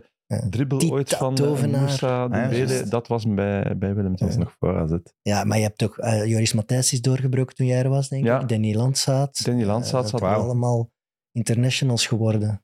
Echt Willem II-voetballers land zat Tom ook zo. Kaluwe zat toch Tom Kaluwe, ja. Vaak nog eh, met over, en- over en weer gereden met Tom. Hij vanuit en ik van het Lebbeek, Ja. s morgens richting Tilburg. En wie was, wie was de beste bij Willem II? Galasek, Ja? Thomas Galasek. Ja. die heeft er na nog jaren bij, eh, bij eh, Ajax gespeeld. Ze is nog naar eh, Nuremberg vertrokken, maar dat was echt een, een, een stilist op het middenveld. Dat was echt een, eh, en ook een heel groot loopvermogen. Ehm, die, die, die combineerde de twee heel goed, want je zat toen in een transitie van de nummer 10's eigenlijk, die, ja, die als Stoika-gewijs wel heel goed kon voetballen, maar qua fysieke inspanning Die toch af, lopen. af en toe liet afweten. Maar Galasek, die, die, Die kon, deed beide. die was, Ja. was ja, qua acht was dat perfect. Voor mij was dat Willem II, toen jij er zat, was zo om zeven uur zondagavond de samenvattingen van de Nederlandse competitie. Willem II scoort eerste doelpunt Bombarda. Ja, Altijd Bombarda. Bombarda. Niet normaal. Die Vanuit de gast. draai. Die Met zijn scoorde, kont, met zijn kont Ja, erin maar draaien en onge- binnen die scoorde precies elke week Bombarda. Ja, die scoorde ook heel Mooie vaak. naam ook wel Ja. voor iemand die Ah, veel wel. Mariano, Mariano Bombarda. Nooit meer? dat je dat Nee. onthoudt. Ja. Ja. Ja. dat is... En De- ja, Cissé, Ja, ja, toch die, Cissé. die was er Ja, ook ja. altijd bij. Ja, dat was zo'n ploeg. Ik kan ze bijna nog allemaal opnoemen, denk ik. Maar ik ga het niet proberen, want als ik dat mis ben, dan... Ja, wat dan? Ja, Dan gaan mensen nu aanvallen dat je Willem II van 2000 niet kent. al, die, al onze Nederlandse volgers. Eh, de club leefde wel een beetje op de grote voet ook, hè? Daar komt ook het einde van tijd bij niet op de grote voet, maar ehm, ja, de, eco- moeilijk op ja, de economische realiteit veranderde natuurlijk wel. Hè. Het werd, werd voor alle clubs moeilijker om, om, eh, om eh, ja, die grote contracten te blijven geven. En ehm, op een bepaald moment, want dat doen ze dan wel in Nederland. Hè. Eh, je hebt in, in, in begin januari heb je een trainingskamp en dan gaan ze met iedereen samen zitten van kijk, wat zijn de plannen voor de toekomst? En dan werd tegen heel veel spelers gezegd van kijk, eh, we rekenen op jou niet meer voor volgend seizoen. En dan ehm, eh, hebben wij samengezeten en dan bleek het inderdaad toch dat het, dat het, eh, ja, het ging sportief elk jaar net een beetje minder, omdat de financiële kant moeilijker en moeilijker werd. En toen gaven ze ook toe van, kijk, we zouden je wel een nieuw contract willen aanbieden, maar dat gaat niet meer in de buurt liggen van het contract dat we, dat we je nu kunnen aanbieden. Dus, dus ehm, dat wat onze positie betreft. En, en ja, ehm, Ja, was jij te duur dan? Was je zo'n groot verdiener op dat moment? maar een groot Nee, de, de, de contracten bij Willem II werden op dat moment wel een beetje eh, naar een gedownsized eigenlijk. En, en ook, ja, ook sportief eh, werd, het, werd het niet altijd eh, makkelijk om nog die, die resultaten te halen. Ehm, maar ja, daardoor hadden we eigenlijk bij, had ik dan ook zoiets van, oké, maybe is het time to move on en, en naar iets, iets anders te gaan kijken. En dan... ehm, Anders had je daar nog in lengte van jaren gezeten. En dat was misschien het enige moment dat je nog kon vertrekken. Eh, ja, want ik werd toen, eh, even denken... Als je eh, verlengt voor vijf jaar bijvoorbeeld. Ik werd toen, ik werd Ah. toen 33. Ja. Dus ik had toen zoiets van, oké, ja, als, ik, als ik nog eens een transfer wil doen, is het misschien nu wel het moment. En toen heb ik mijn manager ja, eh, laten, laten rondkijken naar de dingen die, zich, eh, die, zich, of die interessant zouden kunnen zijn. Wou je dan echt nog buitenland of was België ook al een optie toen? Alles was een optie. Ja. Er waren geen restricties. Dus niet dat je zegt, oké, wel nog één keer buitenland. ik, ik, nee, ik, ik wou eh, de volgende club en, en er waren wel wat, wat, wat opties, maar dat, ging dan, ja, dat, sprong, dat, dat springt dan naar alle kanten. Hè, want dan komen die managers van alle kanten afgelopen, want hebben ze gelezen van ja, Geert de Vlier gaat niet verlengen bij Willem II. En dan krijg je de gekste voorstellen dat je denkt van oh, oh, eh, eh, hoe- Ja, een gratis international. Ja, ja, ja, dat wel, dat wel, dat wel. Ehm, eh, en oké, dat bleek ook wat, wat, wat Manchester City op dat moment zocht eigenlijk. Hè. Ze zochten iemand met internationale ervaring, eh, die, eh, die, eh, waar ze geen transferfee voor mo- moesten betalen. ehm, en die beschikbaar was. Dus eh, En dat dat- was dan bewust wel, Geert zal hier als tweede doelman zijn? Of was het Ja, ja van- David, David James, David James was op dat moment de eerste, eerste doelman. En ze hadden ook gezegd van, kijk, eh, wij zoeken eerder in de, in, de, in de richting van een backup goalie, maar het moet iemand zijn waar we, waar we van weten van als we hem nodig hebben, dat hij dat hij geen inloopperiode nodig heeft op het, op het hoogste niveau waar hij, eh, ja, waar hij die het niveau aan kan. Dus ja, daar zijn dan waarschijnlijk best wel wat namen gepasseerd bij Willem II, eh, bij, bij Manchester City, sorry. Ehm, en ja, dan zijn wij rond tafel gaan zitten en hebben ze uiteindelijk eh, voor mij gekozen. En dat was ik. Is dat moeilijk om je gemotiveerd te houden als je eigenlijk toch weet, het is wel tweede doelman? Ik snap wel, je moet altijd klaarstaan. Ja, en het, is maar, maar... en het is maar Premier League. Ja, nee, we- ja, maar ja, je, en, je snapt, maar wacht, je snapt wat ik bedoel. ja, maar Davy James is ook eh, ja, gewoon doelman van de nationale ploeg. Ja, is, is daar ja. echt een legend, een Nee, nee, maar als je, Ik snap als, dat je soms denk ik, doe een keer eens 8 op 10 bij wijze van spreken. ja, maar als je op je 33ste, in mijn geval dan, ehm, eh, je de kans krijgt om naar de, de Premier League te vertrekken, dat, ja, die kans wou ik toch niet laten schieten in, in gelijk welke geval. En ik wist ook wel van, kijk, ik ga mijn kans gaan, maar ik wist in wat voor een club ik terecht kwam, op wat voor een niveau ik zou terechtkomen, eh, eh, welk leven we zouden instappen, Mhm. want dan ga je dan, dat verhaal ga je met de familie aan en daar waren we over eens van, kijk, de kinderen waren toen vier en zes, dat verhaal gaan we allemaal samen aan. Het is niet zo dat ik om een eentje aan de zandbak ga vertrekken, of nee, nee, we gaan voor een verhaal kiezen waar we samen kunnen doen. Dus ehm, nou ja, achteraf, achteraf bekeken is, is, dat, is dat eigenlijk de perfecte keuze geweest om op dat moment te zeggen van oké, we, gaan, we gaan voor Manchester City. We zijn een dag naar Ginder, of ik ben een dag naar Ginder geweest eh, om, om alles te bespreken en, en het contract te tekenen. En ik ben heel tevreden teruggekomen. Kan Ik hoorde dat Willem II al belde of feliciteerde.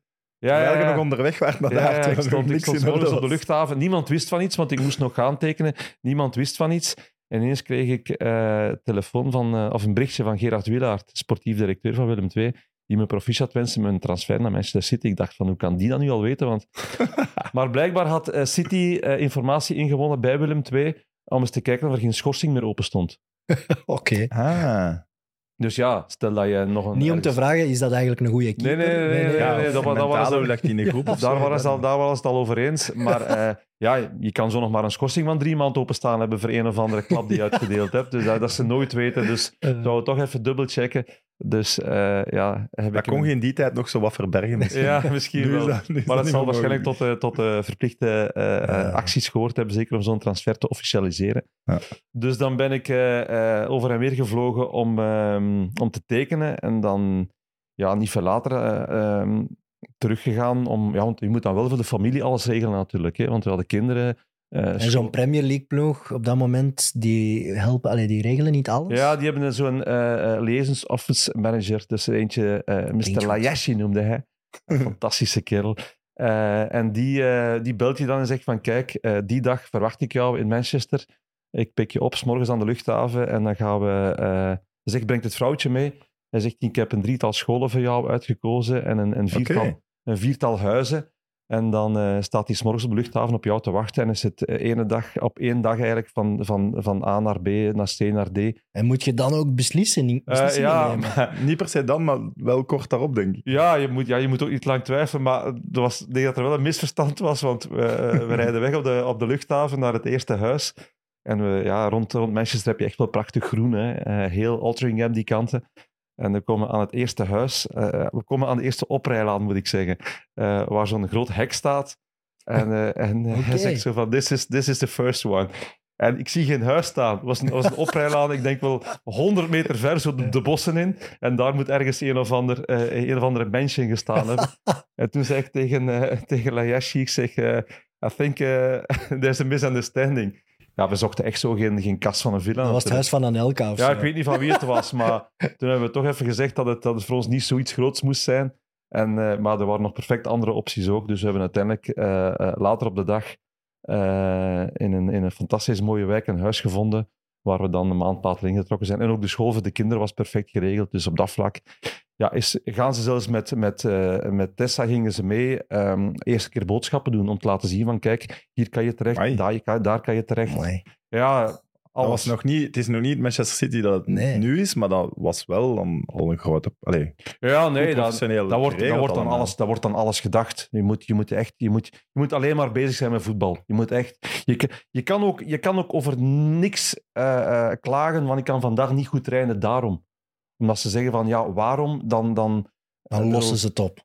Als er iets is, lossen ze het er op. is, er is eten van s morgens tot s avonds voorzien op de club. Eh, de carwash komt langs om je auto eh, proper te maken. Eh, babysit wordt geregeld als je weg moet. Allee, alles werd geregeld. Dus je, je, je kan en je mag en je moet alleen maar aan voetbal denken. Wat moet dat kosten, zo'n liaison manager?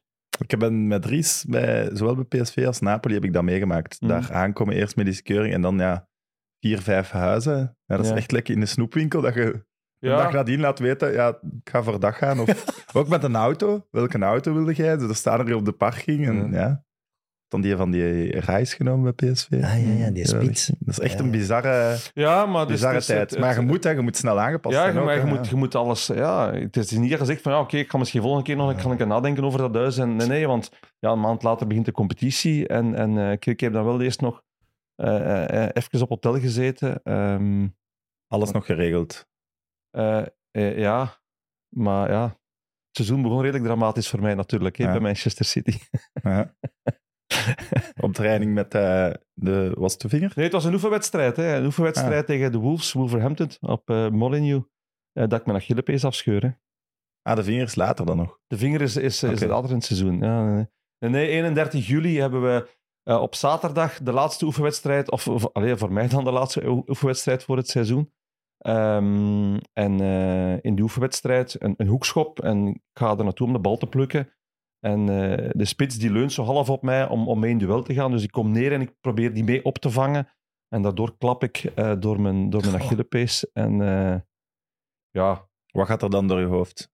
maar ik, ik voelde meteen dat het, dat het, dat het ernstig was. Want ik, ik kon ook niet recht. Ik bedoel, ja, je voelt...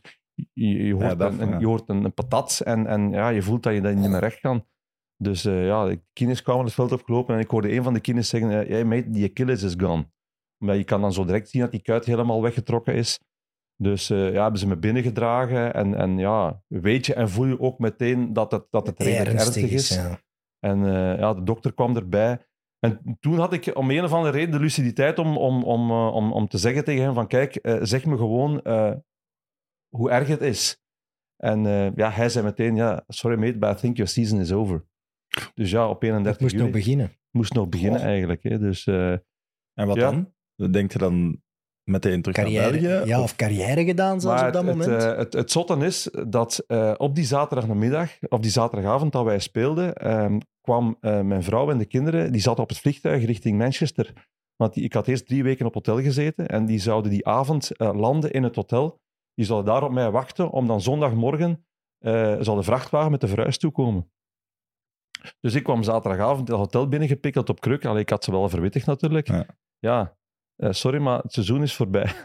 En hoe, ja, je Eh, moest ja, dan? geopereerd worden. Ja, hij moest ook geopereerd Ja. worden natuurlijk. Eh, en dan eerst nog een, een fantastisch verhaal van Kevin Keegan. Ehm, die eh, hadden me dan achterin in de bus gelegd om me met de bustocht mee te nemen naar Manchester. Ehm, en die had van het verhaal gehoord van de verhuis. Dus die kwam ineens naar achter in de bus gelopen en eh, die zei van, hey Gert, I heard something about the removal for tomorrow. Ik zeg, eh, ja, zeg, die vrachtwagen gaat toekomen. Ik zeg, maar ja, ik kan niks doen. Eh, die, die chauffeur die komt met die camion toe. Zeg, er gaat misschien iemand mee zijn, maar ja, I'll take care of it, zei hij. En dan zondagmorgen ben ik naar het huis gepikkeld met, met, met de taxi, met vrouwke.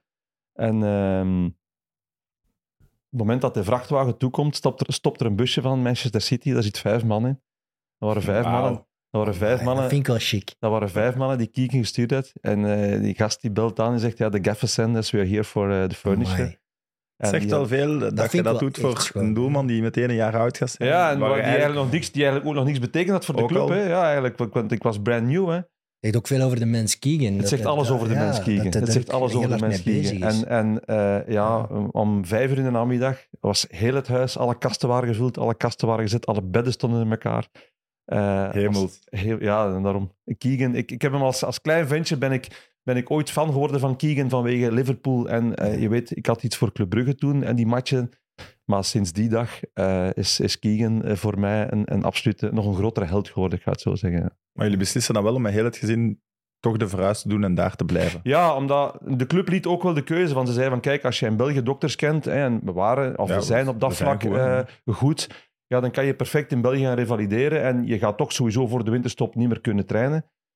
Maar ja, we hadden net de verhuis geregeld. We hadden eh, met de kinderen ook afscheid genomen op, op hun school. Hè, want dat zijn dan de kleine menselijke verhalen die erachter steken.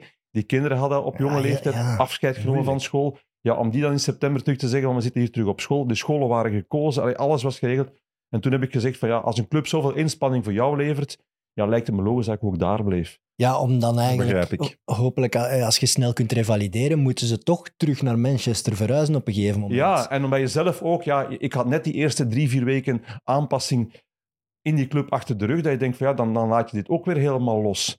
En dan heb ik, eh, heb ik even met Geert de Klerk gebeld, de specialist, eh, en gezegd van kijk, ze zijn dit en dat van plan eh, hier in Engeland met mij en met mijn Achillespees, ze gaan het zo en zo aanpakken, wat denk jij daarvan?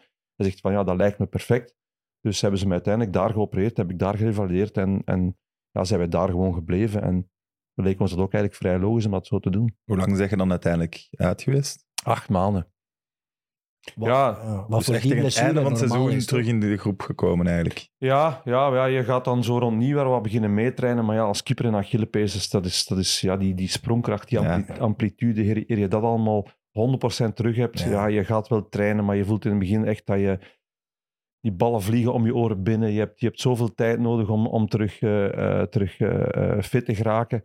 En dan, ehm, ja, want jij begon er net over, over je duim, eh, of over de vinger. Ja, Dus, eh, Het was de duim, ja. was de duim, ja. Dus eh, op een van die trainingen, denk ik ergens in april, hadden we, hadden we af, afwerkvorm gehad.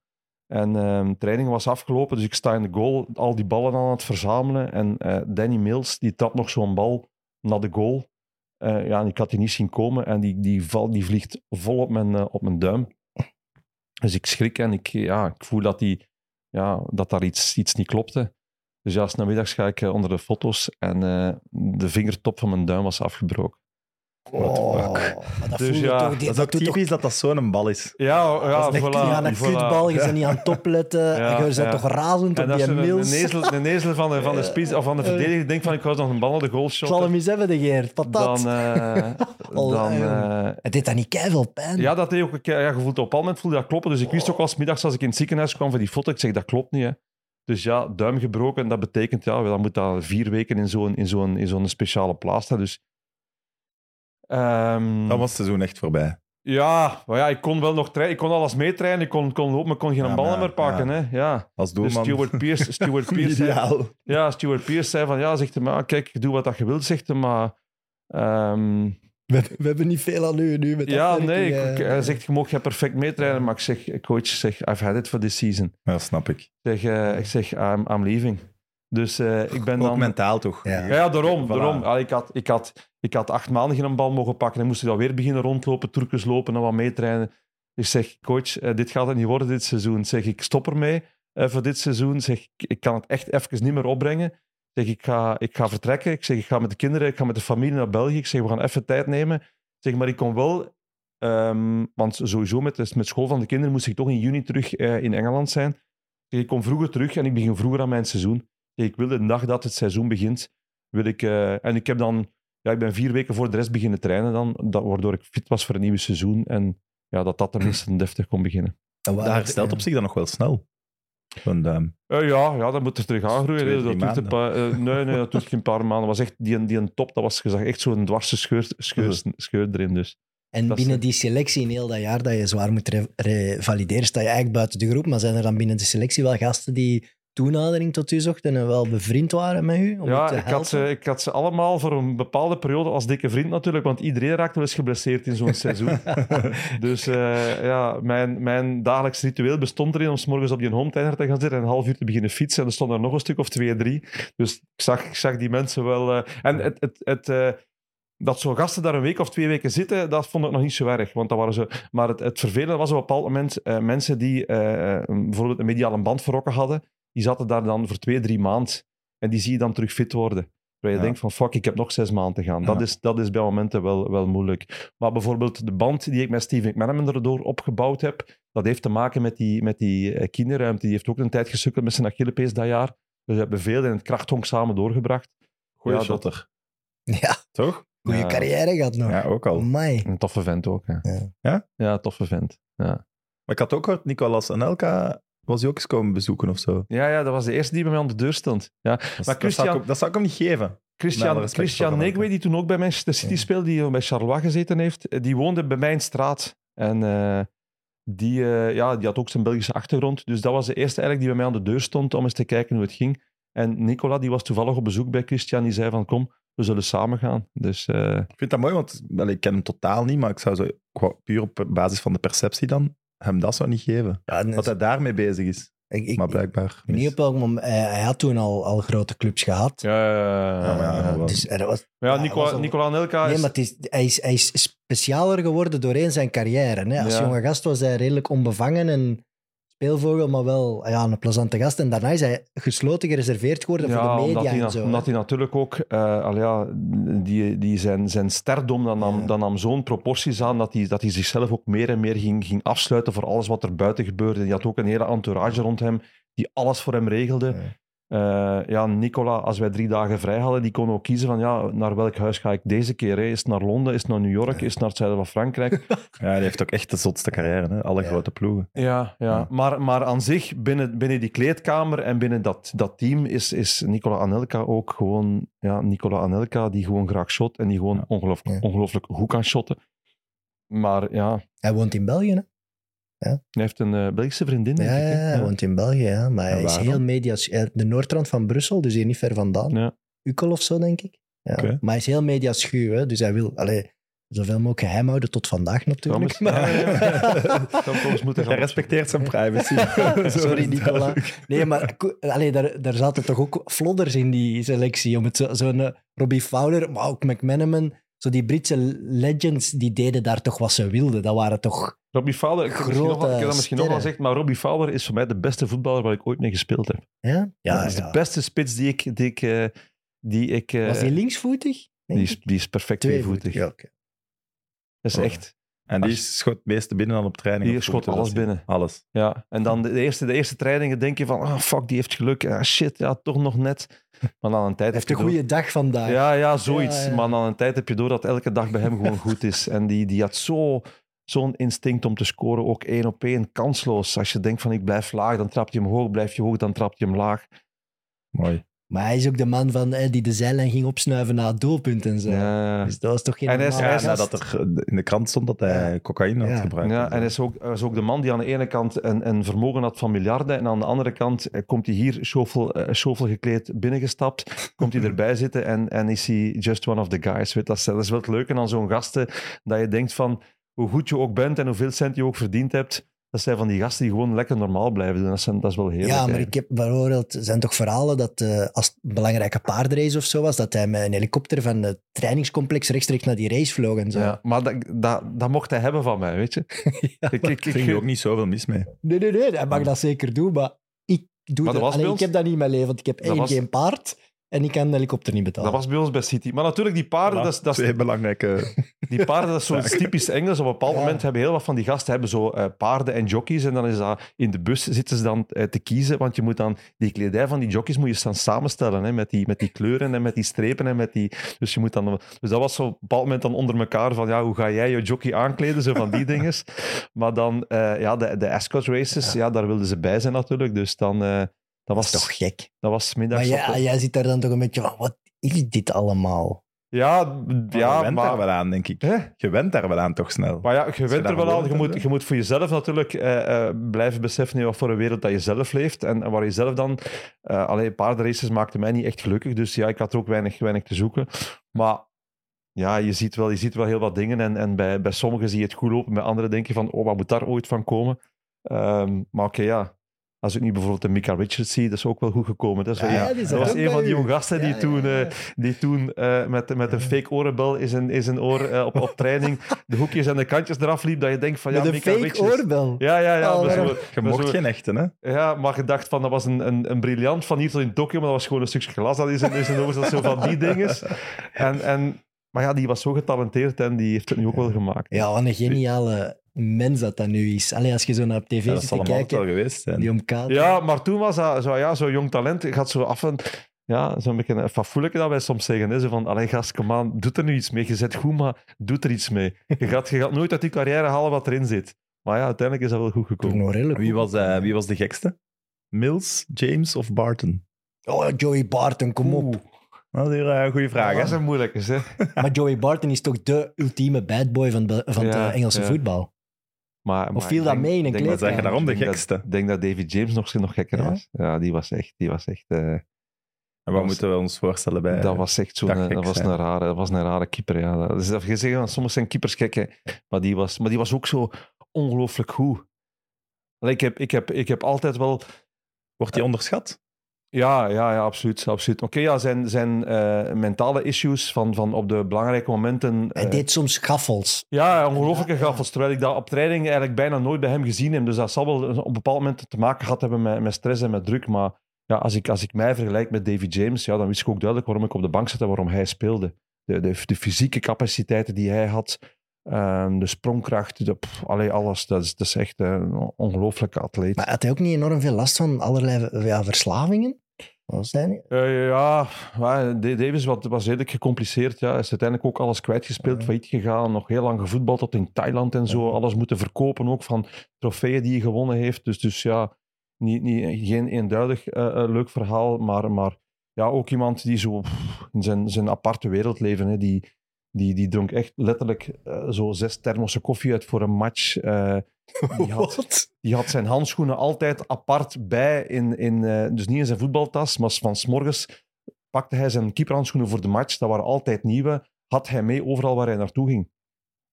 Gewoon om er al mee aan te wennen in zijn hoofd. ja, om die bij hem te hebben. Ja, Zo'n soort bijgeloof, bijgeloof, bijgeloof ja. waarschijnlijk. Hè. En, en ja, ik had aan het begin dat niet helemaal door. eh, dus ik zit met hem eens in de bus. En, en die liggen dus op dat tafeltje in de bus. En ik pak die en om eens te kijken van... Hey, David, eh, new gloves. Ja, dat mocht goed. niet. die gingen weg, moesten andere worden. Dat is Wat? Nee. Ja, ja, hij Omdat jij die niet- had aangeraakt. Hij heeft er niet mee gespeeld, ja, omdat, omdat iemand eraan geweest was. Dus ja, eh, Oké, dat kunnen we wel als gek. Dat gaat vrij ver, toch? hij, heeft Ja. er, heeft er niet mee gespeeld. Maar veel, pro, veel profvoetballers eh, hebben daar wel last van, hè, van ja, maar, extreem als, bijgeloof. het- als het dan zo ver gaat, dan... eh, Maar merkt je hard eh, de cultuur van drinken in Engeland? ja. Dat was veel meer gemengd in, in de sport, denk ik, dan in België. Maar niet in de sport. Gewoon Nee? in, het, in het dagelijkse leven. Ik bedoel, het binge drinken in Engeland, eh, zo snel mogelijk, zo rap mogelijk zat worden. dat is, dat is een deel van, van de cultuur in Engeland. Hè. Eh, Maar ik had toch het gevoel dat dat ook bij de spelers, vooral dan de Britse spelers, ook wel gebeurde. Meer dan dat een Belgische speler dat in België deed. Ja, ja, sowieso. sowieso ja. Maar oké, dat, dat is nogmaals. Je kon op zondagmorgen eh evengoed eh een kine haveloos op een, een massagetafel zien liggen eh, dan, dan een speler. Dat heeft gewoon met de Engelse cultuur te maken. Onze kinderen zaten in, in, eh, in Engeland op een Catholic school, St. Vincent Catholic School, waar het dus inderdaad een uniform proper en deftig is. Maar het eerste beste schoolfeestje komt iedereen met, met, met, met flessen drank toe, zo, met, eh, met, eh, met de wijnen en, en de alcohol. En binnen de kortste keer is iedereen aan het boezen. Dus dat is gewoon, ja, dat is Engeland. En bij die, bij die sterren wordt dat gewoon... Maar Met de Joey Barton is de eens uit liefde café bedekt. gehaald geweest. Nee? Door Ja, Dunn? Joey, en dat was in Thailand. Hè, op, op trainingskamp, trein, we waren op trainingskamp in Thailand. Ja, ook een goede locatie om naartoe te gaan. Met, Ja, maar de dat was toen, dat was, dat was toen Allee, met, met, eh, met Chang Beer, die waren sponsor. Ah, ja, en we gingen ja. samen met, ehm, ik denk, Everton, Blackburn Rovers en eh, Dat is ook de kat bij de melk. de Thaise nationale ploeg. Gingen wij, een Joey week, Barton naar Thailand. gingen wij een week op trainingskamp, op week op trainingskamp met, aan- met oefenwedstrijden om, om daar... eh, en ja, Everton, eh, Barton was van Liverpool, dus ze had al gezegd van jongens, vanavond, eh, iedereen blijft in zijn kamer, hè, want in beneden in het hotel was zo'n bar waar je iets kon gaan drinken. Dus niemand komt daar, want eh, Everton supporters en, en dit en dat. Ja. Dus de eerste die er in die bar zat was Joey Barton natuurlijk. Eh, en en Wakine's die zaten daar ook, dus die hadden al gauw door van dat loopt hier mis. Dus die hadden dan eh, Richard Dunn verwittigd, de aanvoerder toen. En ehm, die hadden ze uit zijn kamer gehaald. Dus die naar beneden om Joey Barton uit die bar te halen. Maar die was natuurlijk al straalbezopen ondertussen.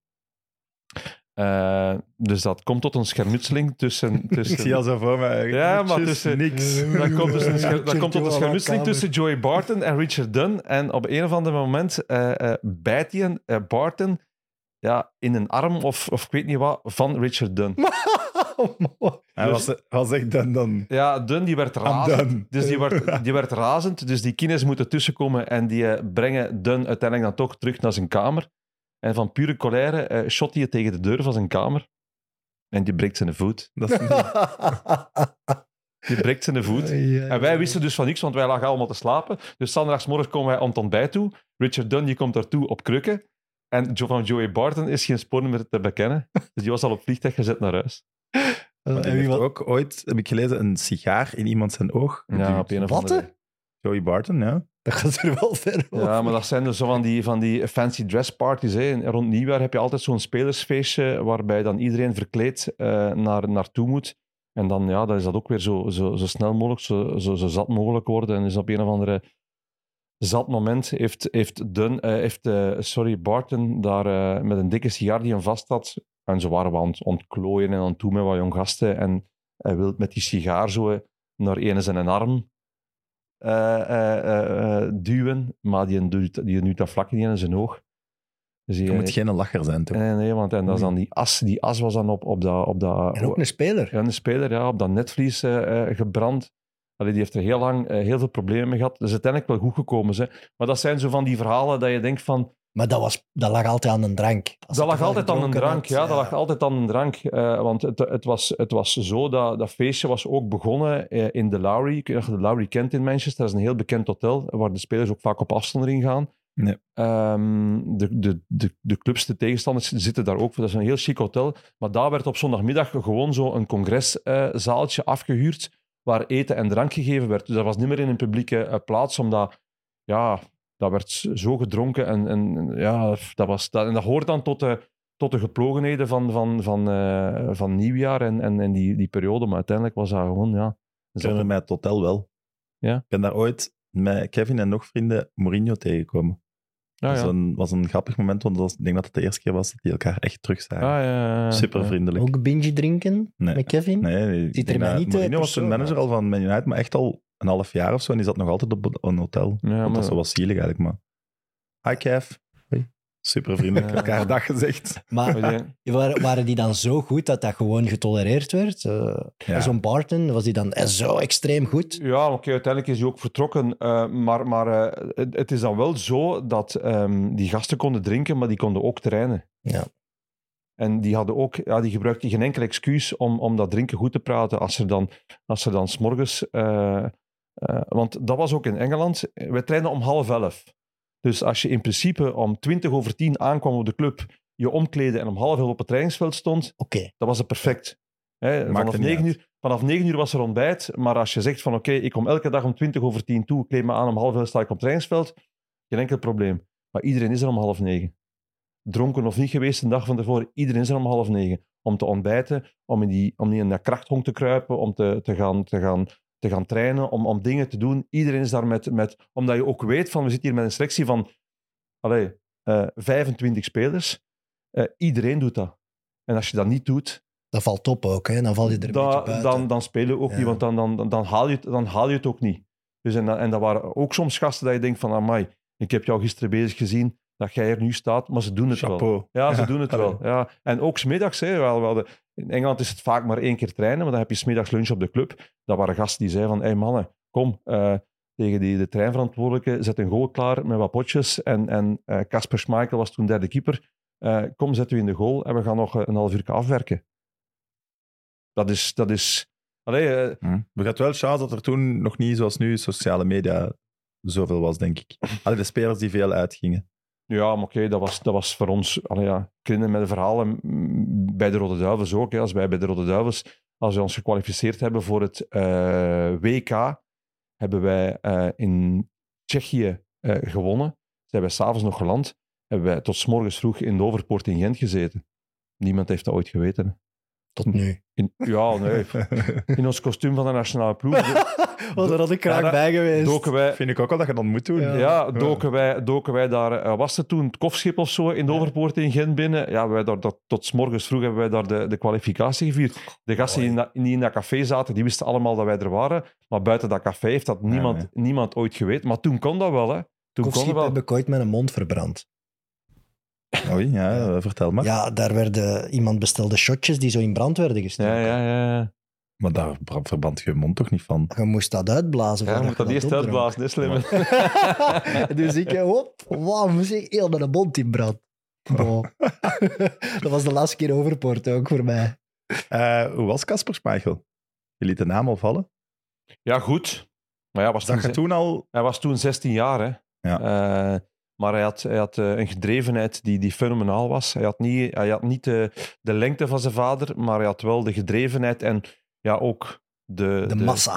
de massa en de techniek van zijn vader. Dus je zag echt wel daar een, een, een, kleine, een kleine Pieter Schmeichel in eigenlijk. En, ehm, Nam hij uw rol eigenlijk over toen je geblesseerd werd als tweede doelman? Of zijn ze nog iemand anders? nee, ze zijn toen nog in, eh, in, in allerlaatste instantie eh Waterreus gaan halen. Ah, oké. die was toen ook vrij. En die hebben ze nog eh, voor zes maanden ge- gehuurd tot mijn nieuwjaar. En die is dan vertrokken naar Glasgow Rangers, denk ik. En daar heeft hij nog veel gekiept. En daar heeft nog veel gekipt, ja. Maar Waterreus is dan eh, zes maanden eh, in, in mijn plaats gekomen, inderdaad. Ja. Dat heb je dan wel in de Premier League. Als, je, je hebt wel met was, allee, namen Ja, ja. samengespeeld op die, op Dat die twee zot. jaar dat je daar zat. Allee, dat, dat, dat was een enorm talent. Hè, want Ja, je had nog eh, Wright Phillips, had een voorlijn met Fowler Dat Anelka, Wright Barton. Phillips, dat was het, ta- het talent toen Ja, van, ja. van Manchester Die City. is ook voor veel geld verkocht. ja, toen, naar hè. Chelsea gegaan toen. Ja, als je dat allemaal opnoemt, allee, dat was wel al een heel goede ploeg. Ja? Paul Bosveld zat er ook nog. Ja. Claudio Reina, wiens Ja. zoon nu bij Dortmund speelt, eh, zat eh, ook toen... eh, Ja, als je ook alleen maar ziet voor de doelmanpositie, ah, Geert valt uit, op wel nog een en. Pep die Guardiola, is komen, Pep Guardiola is komen testen toen, hè. Echt? Ja. Want die, eh, die was... eh, Te oud. als speler, als speler was hij komen testen toen. Dus Ja. was toen al een link eigenlijk. En Joey Barton Ja, heeft die eigenlijk twee wel, eigenlijk of, wel. eh? Maar, maar Pep, Pep had toen eh, in de zandbak gezeten, ergens eh, Ja, had hij gevoetbald. En die wou toch nog één keer zo'n zo'n eh, ja, zo ergens een transfer maken. En ehm, hij kwam dus toe op de club en, en Stuart Pearce was manager en die zei van ja, Pep, I know you're good, but ja, dus die trainde mee en ja, wel, hij was een fenomen- fenomenale voetballer eigenlijk. Hè. Ik denk dat hij toen- toen twee dagen meegetraind heeft, want ik heb hem nog eens een, ik heb hem zo weg, weggevoerd naar het hotel ook. Pep, want hij stond, hij, wij waren smiddags samen klaar met trainen en eh, ineens komt hij aan mij vragen en zegt, hij, hoe ga ik hier aan een taxi, want ik moet, eh, ik moet naar het hotel. De Marriott, waar ik ook zo lang gelegen had, zegt, kom, ik zeg, ik zal u afzetten, want ik woonde daar toch vlak in de buurt. Ehm, dus ik ben nog taxichauffeur geweest van Pep Guardiola. Mooi. Zalig. Kunnen Ja. wij niet zeggen. Nee, de, eh, achteraf is dat wel Maar ze hebben hem geen contract gegeven, omdat ze gewoon... Ja, ze hadden het budget niet. Maar Ja, lijkt me toch ook niet te passen bij dat, bij dat voetbal of zo, of die ploeg. Ik weet niet. Dat, dat Maar ja, dat was, dat was toen ook, wel een ploeg van... Allee, ja, eh, ervaren... Onderschat ze niet, hè? Hè? Onderschat ze niet, hè? Maar Dat toch niet het voetbal van Pep. Of, Nee, dat niet. Nee, Maar- nee, dan niet. Maar wel allee, Paul Bosveld, eh, Richard Dunn, Claudio Reina, ehm, eh, eh, Robbie Fowler, Steve McManaman. Dat waren allemaal gasten die, die er internationale ervaring hadden. Die, niveau, goed kon, dat wel, die, ja. goed- die goed konden shotten. Die misschien allemaal net zo... Maar die voor een, voor een middenmotor in, in de Premier League hadden die absoluut een ja, Pep was, was op leeftijd toch? Ja, we En dan aan dat fysiek spel we van de Premier we waren League, allemaal op leeftijd. Ja, met, met dan de Joey Bartons ertussen, met. Sean Wright Phillips ertussen. Allee, ja, hier en daar zo. Ben Thatcher op rechtsbak. Oeh, ja. Danny Mills achterin, allee, die kon er liever niet tegen zijn in de donkere, want die braken nu daar al in twee. Nee, wat mij ook opviel was in, in de, de rangschikking van het aantal toeschouwers stond Manchester City toen op drie. Hmm. Verschoot daarvan. Dus Ja. dat was wel... allee, dat was toen al net het nieuwe stadion. En ze kwamen toen van Main Road naar het, ehm, naar het Etihad Stadium. Dat was het, het, eh, het stadion dat ze gezet hadden voor de Commonwealth Games. Ja, juist. En ze hebben toen, eh, na de Commonwealth Games, hebben ze zeg maar, het, eh, de oppervlakte met de piste hebben ze uitgegraven door nog, nog een verdiep lager. Waardoor dat de tribunes tot aan het veld kwamen, zoals nu het geval is. Ja. En dat dat een echt voetbalstadion geworden is. Quizvraag. Ja, graag. Acht Belgen, City. Om de beurt. Geert mag beginnen en zegt zichzelf. Voilà. Evert. Eh Emile Penza, Juist, Daniel van Buiten. juist, eh, Kevin De Bruyne. juist.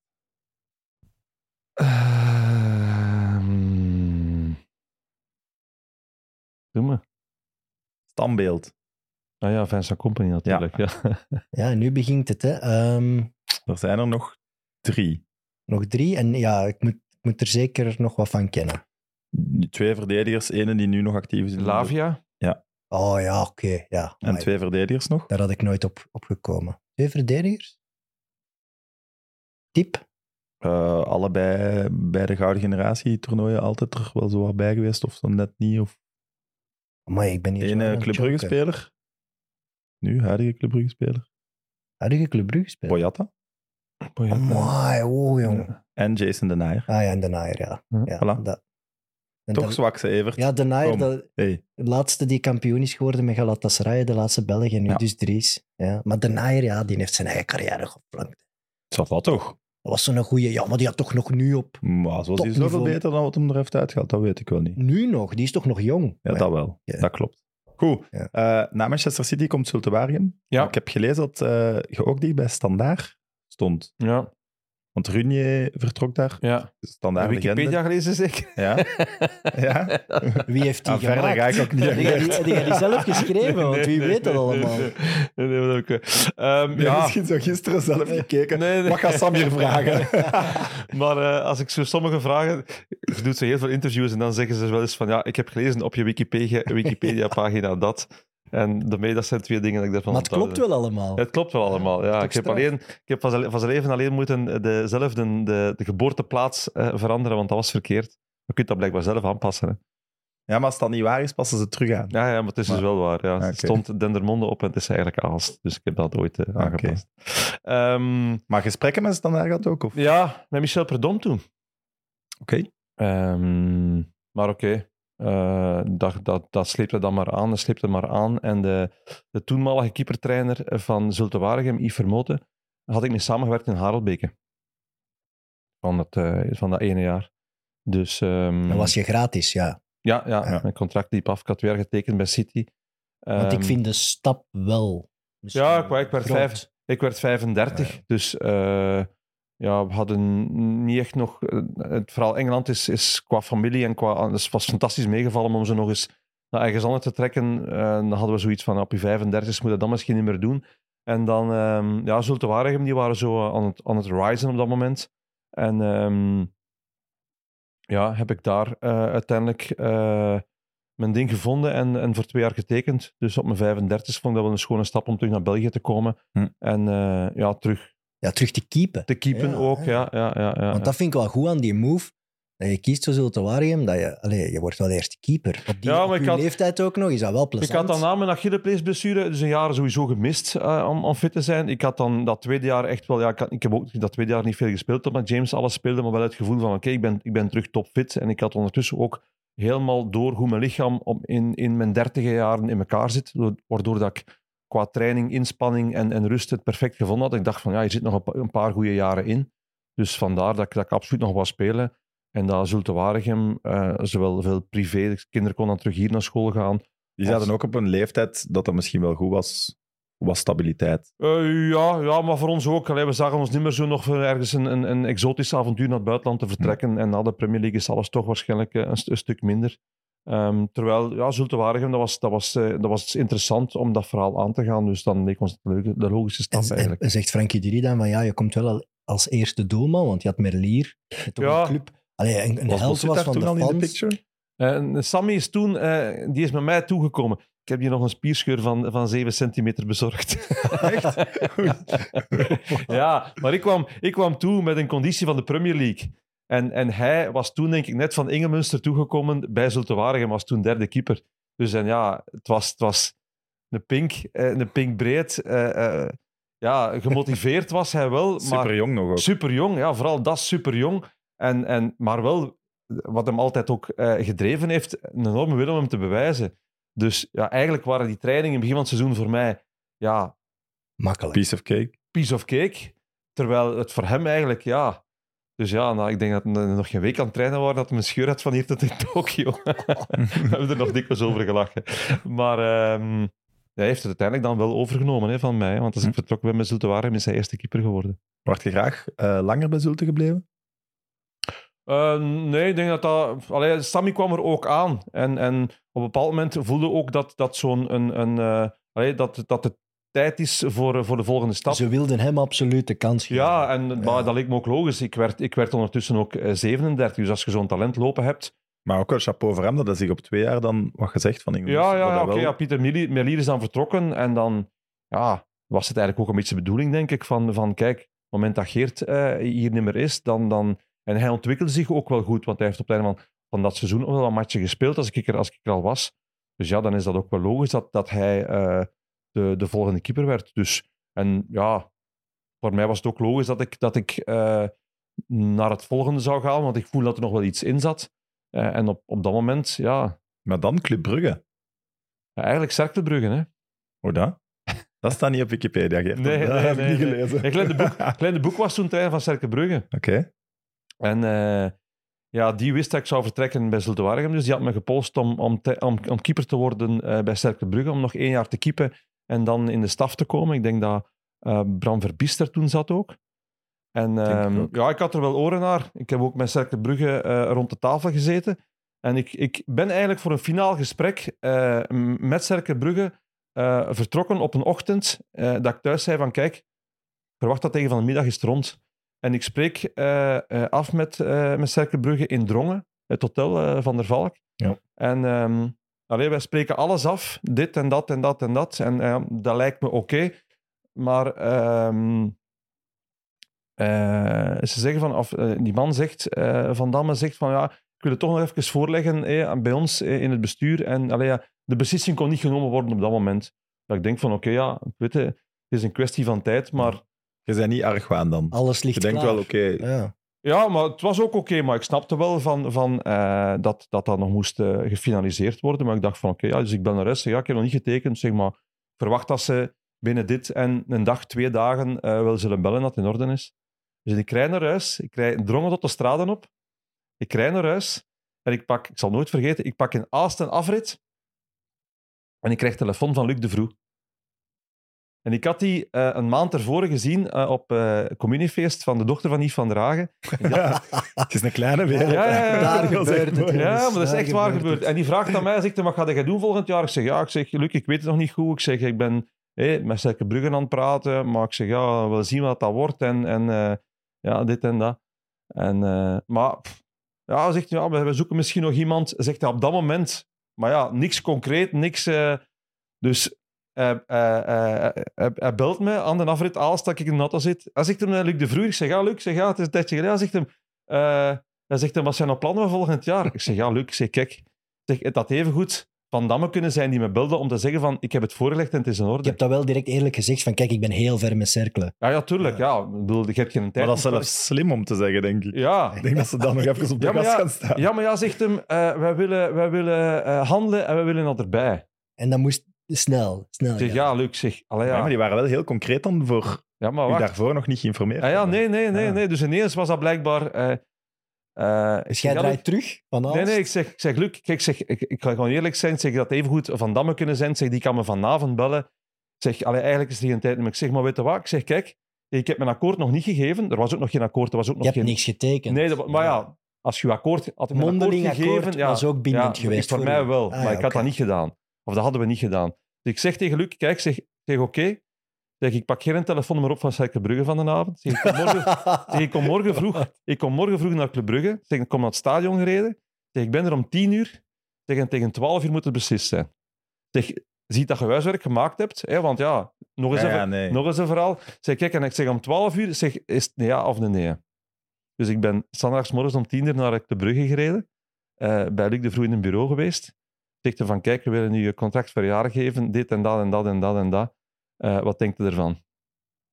Ja, ik bedoel... Luxe situatie eigenlijk. Je kon nog Maar wat. hij had Cerkel nog Kiezen. gebeld de dag ervoor. Ja. ah, op dat moment hadden ze nog niet gebeld. Nee, ze hadden dus nog niet gebeld. Ja, ze dus hadden je nog moest niet je niet gebeld. slecht voelen ja, ook. ja, ja. Maar ze zien nu wel de parking oprijden in Brugge. Ja, dat weet ik niet of ze met de parkingsopleiding. Maar enfin, allee, ja. ingangen, hè. Ik, eh, Ah. ik wou eigenlijk wel naar Club Brugge op dat moment. Als, als ik dan kon kiezen, allee, Club, Brugge het verhaal een beetje kennen dan van vroeger, dan dacht ik van...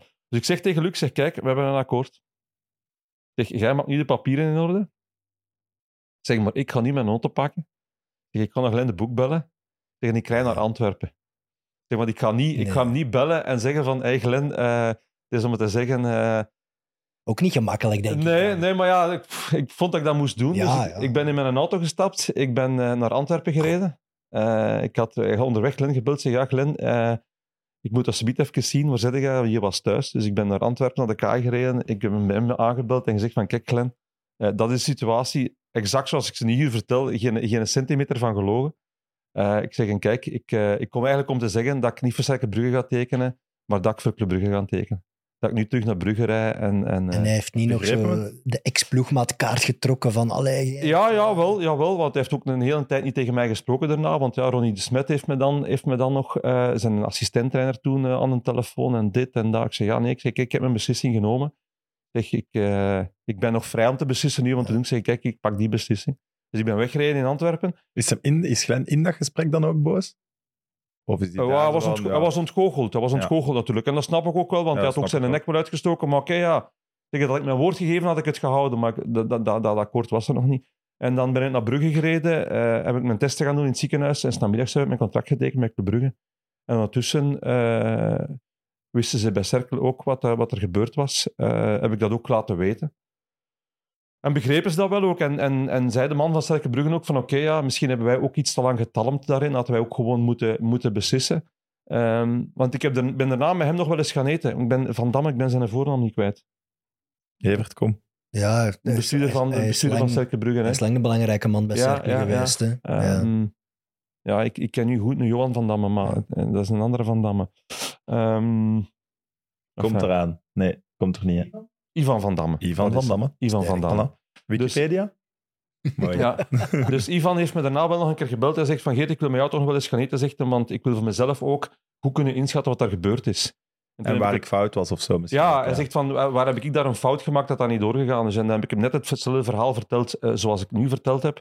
Dat hij er in principe ja, niet echt een fout in gemaakt heeft. En dat dat ook gelopen is zoals ik het nu verteld heb. Maar daardoor ja, ben ik wel bij Club Brugge terechtgekomen. En Maar je wist wel, Cercle zou als eerste doelman zijn. Club normaal gezien niet. Eh, nee, nee, nee, want Stijnen was daar toen op dat moment. Ehm, maar ja, het was wel Club. En, en ik was toen 37. eh, om dan nog... ik wist als ik nog matchen ging spelen, eh, dan gingen het de belangrijke matchen zijn. Eh, dan ging het... Dan ging het eh, ja, het is een to- topclub, hè. ja, daarom. niet, ja. daarom. Ja, en het feit dat ze wel heel snel handelen is ook een enorm vertrouwen naar u. Hè? Dat ze u absoluut wilden. Als Ja, ja, Ja, het nu vertelt, was het echt wel maken. bewilligeerd voor die Ja. Ja, ja, maar uh, Verbouwheden gingen ze toen uitlenen. Ja. Hè. Geen Kortrijk. vertrok, want die, die ging naar Kortrijk ja. Die ging naar Kortrijk. Dus ze hadden sowieso iemand nodig die, eh, ja, wat er dan met Verbouwheden ook zou gebeuren, die op korte termijn die positie kon invullen en die voor de rest ook wel zei van oké, eh, we, eh, we zien het dan wel. Dus voor mij was dat een ideale situatie. En dat is met één jaar begonnen en uiteindelijk heb ik daar nog ja, drie jaar op die, op die manier het, het, verhaal, het verhaal ingevuld. Ja, dat is de juiste keuze geweest, ach- gebleken achteraf natuurlijk. Maar ja, dat- ja, ja, dat weet op, op het moment zelf nooit. Nee, maar... en met Glenn de Boek heeft Cercle ook leuke tijden gehad, dus dat, dat ook... Ja, ja. en dat heeft, geweest, dat heeft uiteindelijk ja, een, tijd, een tijd geduurd. We hebben elkaar een tijd niet gesproken, eh, ik en Glenn.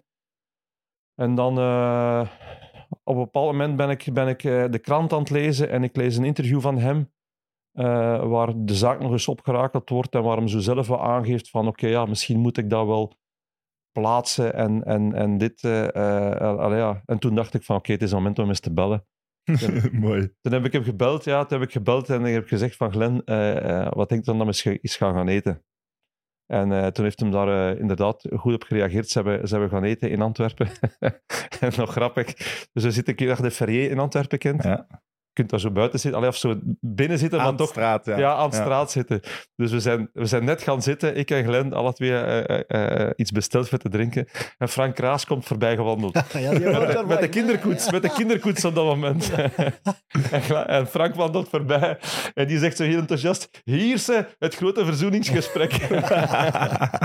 dus Mooi, Frank. Frank, bij deze Zalig. dank om het ijs te breken. En dat is gelukt. Maar ja, hoort dat toch bij het voetbal, nee? van die deals last minute. En of Ja, een club ja, ja. Maar ik snap dat ook wel dat, dat hij dus ik daar een beetje, dat hij daarin ontgoocheld was op een bepaald moment. Maar ja, hij, heeft, hij snapt uiteindelijk ook wel mijn keuze en dat is wel, eh, wel goed. Eh, heb je nog met Glenn Verbouwheden wel nog getraind daarna en zo? Nee, nee, nee. Glenn In was die weg. drie jaar niet. Klein was weg en die is nooit meer teruggekomen. Hè. Die, die liep af en toe nog wel eens op, op, eh, op Club Brugge binnen. Eh, maar eh, ja, nee, ik heb er niet meer, eh, niet meer eh, mee getraind. Oké. Eh, je zei het al, de WK-campagne Japan en Zuid-Korea. Ik denk Mhm. dat dat... Mag dat als uw hoogtepunt van Ja. uw carrière bestempelen? Ja, ik- ook de absolute nummer één in de aanloop naar ook. Ja, ik ehm, ben daar fier op dat ik eh, eh, 43 keer voor de nationale ploeg Ja, gespeeld heb. Eh, als je... Ja, ja, dat is niet weinig. Als je, de, nee, als je de lijst ziet van de meeste eh, interlands voor de keepers, dan denk ik dat eh Faf, Faf, Predom en Courtois op 1, 2 en 3 staan.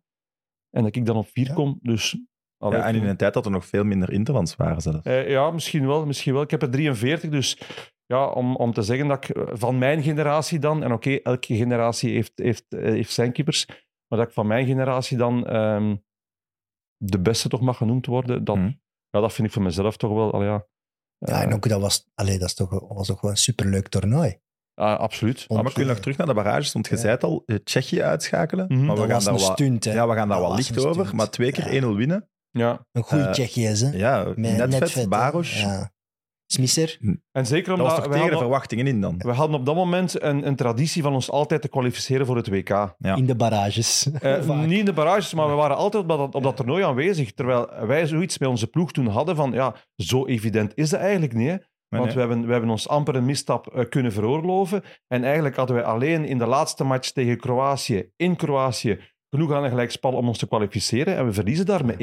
Hm. Dus dat was eigenlijk de grote domper van, ja, shit, nu moeten we barrage spelen. Toen bleek dat we barrages moesten spelen tegen Tsjechië. Die hadden net die avond ook hun laatste match gespeeld met 5-0 gewonnen van Bulgarije. 5-0. Ja. En dan... En die waren op Euro 2000 al. eh, Ja, en dan noemde inderdaad de namen. Allee, dat, was, dat was een ferme ploeg, dat wij zoiets hadden van oh, fucking hell, hoe gaan we daar... hoe Ja, gaan was we echt daar- En die toernooien waren kleiner toen toch ook? Ja, ja, ja, Dus het was ja, veel ja. moeilijker om Ja, je erbij... Het was een veel grotere prestatie als je erbij was. 137 ploegen op een WK tegenwoordig. Ja, maar eh, het- Tegenwoordig is het gewoon San Marino niet. Ja, de rest wel. Gibraltar misschien ook rest wel. Tenzij dat Karloufke zich naturaliseert. maar ja, dat was ook Tsjechië met Repka, Hupschman, eh, ja, dan Baros, Smisser, Netvet. Allee, dat was gewoon echt een Ja. echt Maar die, heel die, sterk die waren op het einde wel wat boos, las ik.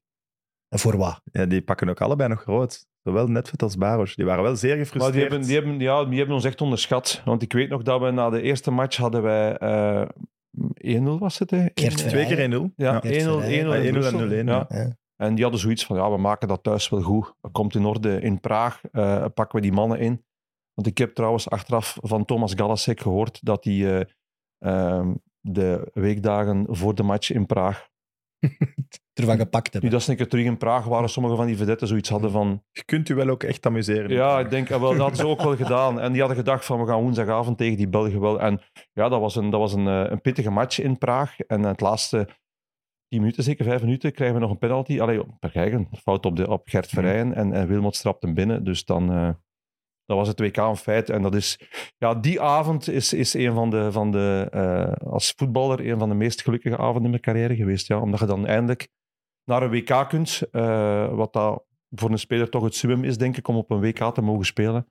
En zeker als dan la- later blijkt dat je en mocht starten tegen het gastland, Japan, wat al voor een ongelooflijke dimensie zorgt van zo'n toernooi.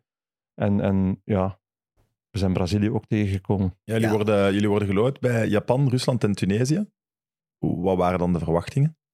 Tweede ronde halen, hè. Zeker. zeker. Van, Wa- zeker, dit is dat, dat, was de, dat was de ambitie. Je gaat niet naar een, naar een toernooi om uitgeschakeld te worden. Dus voor onze, voor onze groep werd, werd de tweede ronde ha- halen aanzien als, als eigenlijk bijna een must. En dan ja, afhankelijk van tegen wie je zat uitkomen. Dus, dus ehm, ja, voor, voor onszelf ook, van nu, nu we hier eens zijn, ja, willen we ook toch wel iets halen en willen we de tweede ronde halen. Maar je weet op voorhand ook wel dat je elke match gaat moeten knokken. Je bent niet het grote België dat het, dat het nu is geweest. hè. Ja, we dat is hadden een WK. Dat een is geen underdog. gemakkelijke we match. hadden heel de kwalificatiematchen moeten knokken. Hè, Ja, tegen ja. Schotland, tegen... nee, maar maar dat is op. anders dan met Kevin De Bruyne en compagnie naar de WK gaan. Hè. Ja, dat hebben we nu gezien. Dan als je daar tweede ronde haalt, is het nog te weinig. Terwijl toen was het kwalificeren het, het Nee, allerhoogste daarom, al. nu, nu is zich kwalificeren voor een WK is eigenlijk geen issue niet meer. Toen was, en dat was, speelde ook wel in ons nadeel, toen leek dat ook geen issue, omdat we ons al zes keer op rij Ja. gekwalificeerd dat was hadden. uniek wel, hè, voor Ja, een klein land. Dat hebben we pas gemerkt daarna, toen het Ja. even niet meer Ja. was. Dat we, Ja, en dat wisten wij toen al. Oké. Ja, Dat hebben, wij, dat hebben wij toen zo... Ik weet nog dat we... Dat we ehm, maar dan zit ik al op het einde van het toernooi, na de laatste match, eh, allemaal samen aan tafel zaten, eh, na de uitschakeling tegen Brazilië, zo'n beetje een- het, het toernooi overschouwend, dat we zoiets hadden van, dit gaat echt de komende jaren niet meer gebeuren. Hoe moeilijk dat, dat geworden was om zich te plaatsen voor een WK. En dat is ook gebleken. Eh, wat ik ook wel opvallend vond- vond, was eh, geen Mark de Grijze. Dat lijkt nu opvallend, maar misschien was dat toen. Ja, maar die was toen er niet meer... Die was toen niet meer... eh, nee, dat was al een... Dat was eigenlijk Euro een- 2000, was Ja. hij er ook niet meer bij. Nee, nee, nee. Dat was Ja. toen een, een vorige, vorige generatie. Ja, een Ik had opgezocht, was Serge zei iets van, ja, het was kiezen Wilmots of de Grijze. Ah, echt? dat, Ja. Want Wilmots was toch echt wel de kapitein. Die besliste toch heel Ja, ja, het veel. was- Zeker met die tanden het zijn Wassage. Ja, het was zijn ploeg. Hè. Ja. Ja. want eh, er is ooit een keer een Belgasport geweest eh, over, eh, over eh, dat WK toen met die, met die persboycott. Eh, Ah, met zijn vertrek naar Standaard. ja, voor het WK. Ja, ja, ja, ja. Ja. En toen hebben ze ja, Wilmots ook een paar keer geïnterviewd. En toen, hebben we nog met, toen we een paar ex-spelers naar elkaar terug tegenkwamen, we ons afvroegen van, zijn we er eigenlijk zelf ook wel geweest? hij, hij, hij wist alles. En hij maar Mark was wel... alles. Mark was, ik moet zeggen, Mark heeft ook een fantastisch WK gespeeld toen. Was echt, dat was zijn Kort laatste... in elke match eigenlijk. Ja, dat was zijn, zijn laatste kunststukje. Maar ik moet zeggen dat hij daar ehm, eh, eh, echt wel ja, de, de, de, letterlijk en figuurlijk de leider van de Maar ploeg was hij te dominant dan? Was hij, was hij plezant dan? Want Eh, hij was dominant, maar eh, dat, dat, dat nam voor, voor ons ook wel een, een, een deel van, het, van, van de druk weg. Ja. Hij was, hij was ook graag dominant. Allee, Mark kwam ook uit een situatie bij de Rode Duivels waar ja, hij absoluut niet dominant was. Hè, waar hij, hè, met het Weber-verhaal en noem maar op. Dus nu, bij ons was hij heel dominant. En dat had hij ook nodig om zo goed te zijn waarschijnlijk. Maar dat, dat maakte voor ons eigenlijk de situatie ook een stuk comfortabeler. Want Het ging, heel vaak alleen maar over Wilmot. Is hij fit, is hij niet fit? Eh, eh, noem maar op. Hadden wij zoiets van, oké, laat ons maar rustig trainen en keihard werken. Want, en, en zeker omdat hij op dat WK ook ons, ons, ons meetrok allemaal. maar het was toch nog in België voor afreis dat uitlekt dat Wassage zou vertrekken sowieso. Dat was toch een ongeziene situatie. Ik, eh, Spanje had het over het laatst nog eens voor op een toernooi. Ze hebben die bondscoach gewoon nog aan de kant gezet. hè. Ja. Was het Ja. Lopetegui, ja. Ja, ja. Daar, daar is, uiteindelijk is daar ook inderdaad een hele reportage over gemaakt. Maar je moet rekenen, wij waren allemaal eh, eh, ambitieuze, ambitieuze voetballers die op een bepaald moment eindelijk ons geplaatst hadden voor een WK. Ja, hoe de fuck wie dat die een trainer bij wijze van spreken is, of dat hij nu blijft, of dat hij nog tien jaar blijft, of, of een dag erachter vertrekt. Allee, wij wouden ons WK goed spelen. En, en wij wisten van, allee, Wassage, die gaat nu niet veranderen op dat toernooi. De, de grote commotie is vooral ontstaan omdat Wassage de spelers eerst wou inlichten. Hij wou absoluut dat de spelers het van hem zouden te horen krijgen en niet van iemand anders. Dus wat is er gebeurd? We hebben, we, we, we hebben verzameld in Brussel om te vertrekken naar dat WK. In Brussel was er nog eh, fotografen en pers om ons uit te wuiven. Eh, we zijn op de bus gestapt En het moment dat we in de bus zitten en allemaal samen zijn met alleen de spelers, is Bachage van vooraan de bus naar het midden gekomen en gezegd écoute, eh, j'ai des nouvelles en je pars au standard après eh, eh, le tournoi. Dat heeft, heeft wel geteld 20 seconden geduurd, hè?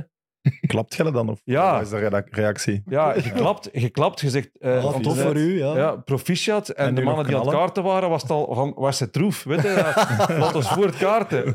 Om, om maar te tonen. Het boeide niet echt. Ja, het boeide niet Nee. echt. Het, het, was, het, is, het is leuk geweest voor hem, maar ja, dat ging aan ons toernooi niks veranderen. Hè? Nee. Maar de, de, grote, de grote frustratie bij, bij pers was vooral dat zij dat dan te horen kregen op het moment dat, ze, dat wij op de bus zaten. En dat ze daar nieuws moesten van maken. En dat ze eigenlijk, wat zij ze, alleen nog maar even te pakken zouden krijgen op Charles de Gaulle luchthaven in Parijs. Om dan die ellenlange vlucht naar, naar Japan te pakken. Dus daar is eigenlijk Ja, een soort kortsluiting ja, ja, ja. ontstaan. Terwijl was ik dat ook vind- niet zo Wallonië tegen Vlaanderen? toen ja, dat was ook nog. Maar het was, nog, vooral, het was vooral allee, ja, het feit dat zij niet eerst ingelicht waren. Terwijl dat, denk ik, was zij daar perfect gedaan heeft wat hij moest doen. Ja, want dat je eerst de pers zou inlichten en dan de spelers. Ik vind Daarom. dat net knap van hem. Ja. Ik vind dat dat, ja, wist, wij- dat gaat hij misschien uitleggen. Ik Maar wij voelden, wij, voelden, wij voelden toen wel dat er, dat er een iets in gang gekomen was. Waardoor ja, heel dat. dat Tegen hem vooral. Ja, dat, Ja. dat hij eigenlijk de gebeten hond was. En dat is eigenlijk inderdaad nooit meer goed. Ik vond dat... Dat is, het was wel geen succes, hè? Ja, bij Standaard, of ben ik mis? Het heeft maar twee maanden geduurd of zo. Ja, nee, maar dat is geen, eh, geen groot succes geweest. Maar wat ik van dat WK herinner, was eh, zo- zo'n geniale uitstap naar een of andere vulkaan. Zo beelden Wat? Met een niet. kabelbaan of zo naar een Wel, vulkaan. Maar ik heb er nu nog zitten zitten aan. Allee, ja, ik, ik, moet, ik, moet, ik vermoed dat dat het toernooi geweest is waar het minste eh, voor de spelers gezorgd is eh, eh, Ah, ja? ever. Ja? Wij zaten echt, wij zaten echt ons verblijf. Als ik nu die verblijven allemaal zie van die Rode Duivels voorbij het toernooi, in wat voor een luxe resorts, Ja. met golfbanen en met, met parken en domeinen. Wij zaten in een of andere bunker van een congrescentrum in, in een drukke steenweg ergens in een of andere groot, groot stad van Japan. Echt, wij konden zelfs niet buiten. En op dat moment hebben wij er ook nooit echt bij stilgestaan van wat de fuck zitten we hier te doen eigenlijk? Want ja, we wisten waarom we dan waren. We waren er voor het toernooi te spelen en dat was voor ons echt wel... Maar als je dat achteraf bekijkt, van, van in de 2K Frankrijk, eh, Mexico, eh, noem maar op, allemaal die... Als ik, als ik het nu weer zie passeren hè, voor een, voor een groot toernooi, dat ik denk van ze zijn er weer, hè, met hun resort. Wel, ze zaten er in een bunker eh, zes weken lang te schilderen, vind ik. Maar fijn, het heeft ons wel, het heeft ons wel geholpen. Ja, maar dat van die drukke steenweg, dat zegt iedereen. Hè, dat dat onverklaarbaar was, dat je bijna naast een autostrade. Ja, maar dat was dat waarschijnlijk. En dat was ook geen hotel, hè. dat was zo'n soort congrescentrum met kamers. We hadden ons eigen kok, dus we hadden, we hadden fantastische keuken en, en we hadden eh, ruime kamers. En dat was, dat was helemaal privé, dus was, op dat vlak was dat fantastisch, maar wij konden echt niet buiten. Je kon niet zeggen, we gaan een keer hier nog wandelen, of we gaan een keer een balken staan, of we gaan een keer een matchje. Niks konden wij, niks konden wij doen, was gewoon wachten. En oké, het was gelukkig een toernooi waar je veel moest reizen, van, van, van Tokio naar Saitama en, en Kobe en noem maar op. Maar uiteindelijk, eh, in dat hotel zelf, daar werd ik niet vrolijk van. En wie beslist er dan om die uitstapjes te doen, zo naar die vulkaan en zo? Ja, dat je toch, tenminste toch één keer buiten kwam. Hè? Ja, dat je toch één keer iets gezien had. Dat was een soort, precies een soort persreis, omdat daar ook heel veel beelden van gemaakt zijn. Ja, dat waren ook de enige momenten dat wij buiten een trein een keer ergens, ergens kwamen. Eh, maar ja, nee. was het eerste, grote, het al- het eerste grote toernooi dat Filip Joos mee was, denk ik. Ja. Als, kan. jonge, als jonge reporter. Eh, ja, we zeiden al kort de sfeer rond de nationale ploeg en de pers was wel zo wat grimmig. Jullie doen ook een persboycott. Mhm, Je hebt nu ondertussen al een aantal jaren aan de andere kant mhm. eh, gestaan. Hoe kijk je daar nu op terug? Is dat iets wat je nu nog zou doen, nu je de andere kant hebt gezien? Of... Eh, Nee, maar het is, het is wel een, een, een belangrijk kantelijk moment geweest in, in de benadering van eh, ehm, pers en, en voetballers en voetbalclubs in België. Het EK 2000, ik weet niet of je dat nog herinnert, met het persdorp in Tiene. Ehm, dat was altijd eh Jubilair, sponsor van, van de Rode Duivels. Die zorgde altijd voor een, VIP, of voor, een, voor een persdorp. En daar werden dan de interviews in gegeven. En, en nadat, eh, of nadat spelers met journalisten hadden gepraat, werd er gezellig aan een toog nog een koffietje gedronken, een cola gedronken, werden er broodjes voorzien. Allee, dat was echt zo nog in een sfeer van ons kent ons. Samen. samen. Pers, Spelers. Ja, Samen. en dan, dan, dan zei, eh, zeg maar, Ludo van der Wallen zei tegen Geert, eh, Geert, mag ik even een paar vragen stellen voor de krant? Ja, hop, dat, dat, dat, dat, dat, oké. Eh, vragen zijn gesteld. Ja, moet jij iets drinken? Ja. En dan, dan gingen we samen iets drinken en dan ging er nog over van alles en nog wat babbelen. Maar wat dat gezegd wordt, dat stond op papier en de rest werd ook... Allee, ja. Je wist heel veel van elkaar. Maar toen in, in, eh, in Japan was dat verhaal nog altijd eh, eigenlijk aan de orde. Alleen heeft op dat moment eh, François Collin, toen eh, journalist van Nieuwsblad, denk ik, eh, heeft eigenlijk een stuk geschreven waar heel wat van die, van die extra informatie normaal nog nooit gezien naar buiten kwam. Eh, off Ja. the record. Off the records heeft hij in een, in een, in Ja. een verhaal gegoten met eh, ja, het, het, het afrekenen karakter van wat zij ze vertrekt naar eh standaard en die kan hier geen goede bondscoach meer zijn, wat Alari was uiteindelijk. En dat heeft eigenlijk voor een breekpunt gezorgd in de, in de relatie tussen pers, clubs en, en, en spelers. Hè. En van daaruit ja, is, is dat eigenlijk helemaal... Ja, die wegen zijn, zijn zo ver weg van elkaar gelopen dat dat, dat, dat eigenlijk... Ja, nooit, dat is ook nooit, nooit meer teruggekomen. Maar ook niet alleen in België. Hè.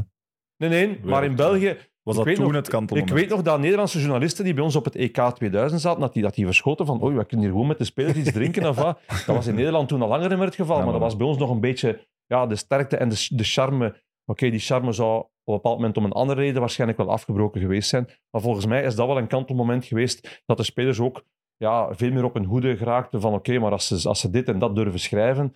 eh, en, en je weet dat het soms... Allee, tuurlijk zijn spelers soms misnoegd. Je zit daar met 23. Natuurlijk, ja. En, en, maar ja, als je, het, als je het allemaal gaat gebruiken om te schrijven, dan gaat je ook niks meer zeggen. Hè.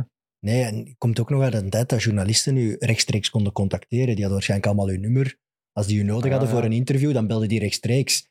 Dat is nu allemaal onmogelijk geworden. Hè? Ja, zo- journalisten kwamen ook thuis. Journalisten kwamen na de match ook in de kleedkamer, terwijl dat je in een blote flikker stond, Ja. stond af te drogen om interviews te doen. Allee, van, van die een tijd kom ik nog. Hè. Dus dat is, En dat vond je toen ook niet raar? Nee, dat, maar dat was zou ook ik altijd logisch. een raar gegeven vinden. Ja, dat, maar dat was ook logisch. Maar in de NBA doen ze dat toch ook? Dat is wel heel Nee. gereglementeerd. Hè? Nee, nee, dat dat is dan zoveel minuten en zoveel dit. Maar Matchen, matchen op Anderlecht, kan ik me nog herinneren. Ja, Beveren sowieso, maar op Anderlecht ook. Match afgelopen, eh, iedereen de kleedkamer in. eh even een trainer iets zeggen, oké, de trainer weg. En dan begon iedereen zich te douchen. En nog geen vijf minuten later kwam, kwamen daar in, in Anderlecht 15 journalisten die kleedkamer binnen. En dan, als je dan de pech had om naast je te staan die drie golen gemaakt had, dan moest je nog vragen, mag ik mij alsjeblieft even afdrogen, want er stond al vol volk. Ja, zo, was dat, zo was dat ook nog. Dat is ook wel in de NBA. Dat is ook wel gênant als je ernaast LeBron James zit. ja. En don't dan- give a... als je dan nu... Ja, je hebt hoogvliegers en zo gemaakt en voetballers proberen contacteren om te interviewen en zo. Je weet hoe moeilijk dat, dat is. Dat, dat is toch wel frustrerend vaak. Eh, ja, maar kijk, ik, doe het, ik probeer de gasten vaak eh, zelf te benaderen. Eh, in het geval van, van Romelu Lukaku bijvoorbeeld, als je dan via de club ging op dat moment, Manchester United, ja, dan, dan, dan, weten, dan weten dat het, dat, het, ehm, dat het via de club niet lukt. Ja. Dus op een bepaald moment ben ik eens aan de training van, van, van de Rode Duivels geweest. Eh, en heb ik gezegd van, kijk Romelu, we willen, eh, we willen eh, een, een hoogvliegers opnemen met u. Wat denkt jij Je daarvan? hebt gewoon z- zelf gegaan. Ja, en ben naar Romelu gestapt. En als, Dat als is altijd Romelu, het beste. ja, en als Romelu zegt van ja, weet, ik heb daar geen zin in, ja, dan heb ik daar geen zin in. Als Romelu zegt ja, oké, dat is wel tof, zegt we gaan een beetje over voetbal praten, kom maar af. Ja, dan, dan regelt het zo. Maar inderdaad, via de clubs, via de persverantwoordelijken. En ik snap het ook wel. Dus de- Er zijn ook veel meer aanvragen dan vroeger ja, natuurlijk. dat zijn wereldsterren, hè. Ja. Ja, en zelfs er zijn gewoon allee, een podcast en noem maar op die er vroeger Dus allemaal Wij Ja, vragen ja. in België ook eh, alle grote namen. Hè? En, en dat is er allemaal bijgekomen. Hè? Vroeger Ja, had je ja. maar één programma per week. Nu heb je zoveel. Als ik bij City zat en dan kwam eens een Belgische journalist naar, eh, naar, naar Manchester, ja, dan, dan ging ik ermee gaan eten. Dat ik dacht van, dat is tof om eens iemand uit België te zien en we gaan iets eten en ondertussen het interview doen. Trakteren Ja. die nog ook? Dat doet Kevin niet. nee, dat snap ja, ik. die, zagen Dat snap ook, ik. die zagen ook die oprijlaan. Hè? Dus Ja, die die. Goed.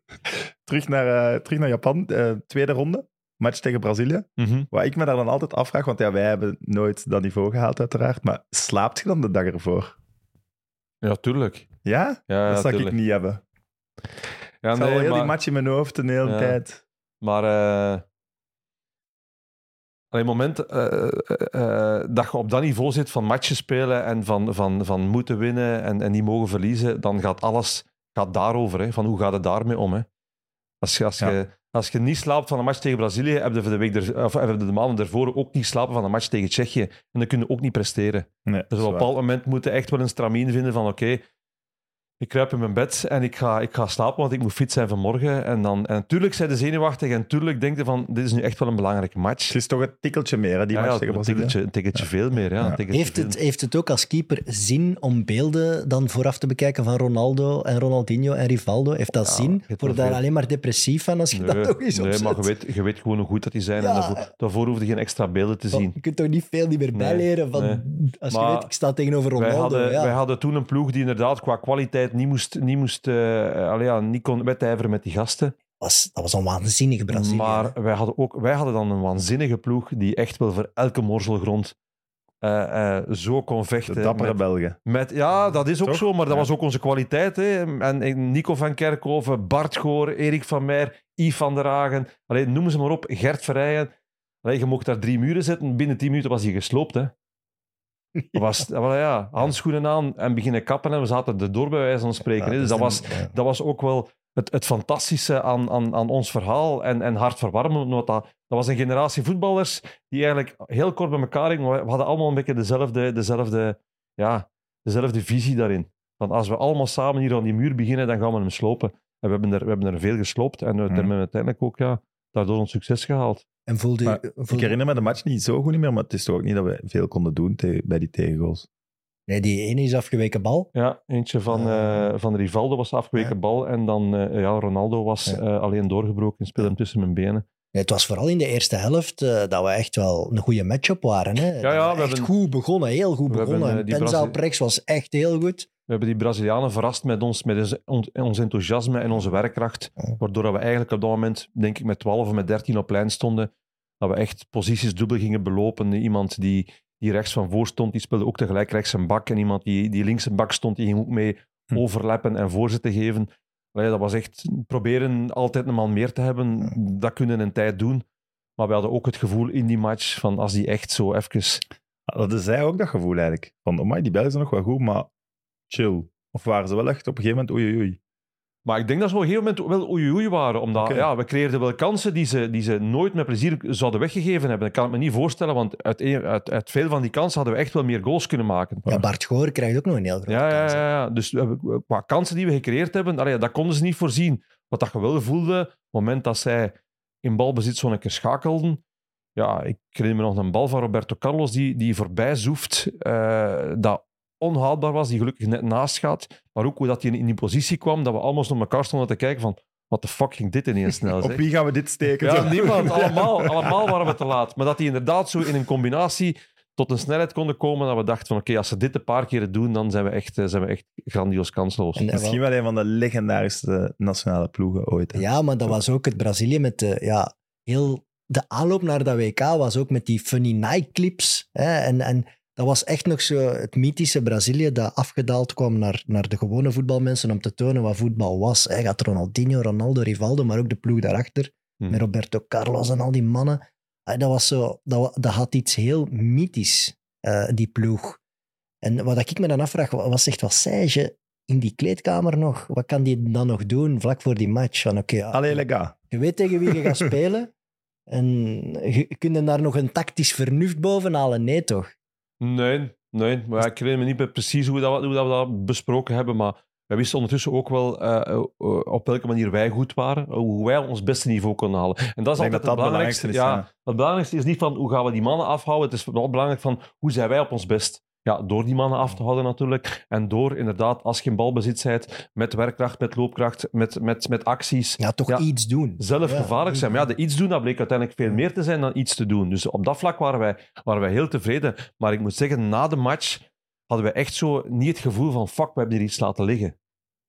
Want we hadden echt het gevoel van kijk, we hebben er echt alles aan gedaan. Ja, dat is ook zo. Daarom waren, waren- iedereen was toch super trots ook toen jullie terugkwamen. ja, ja, en, en ehm, Wat moest je nog meer we waren doen? wel ontgoocheld. We waren wel ontgoocheld. Dat Maar wel. door de dat- scheidsrechter misschien ook. Ja, terwijl we dat voor de match niet hadden. We hadden voor de, voor de match het gevoel van, kijk, we kunnen, we kunnen vandaag, eh, we hebben niks te verliezen.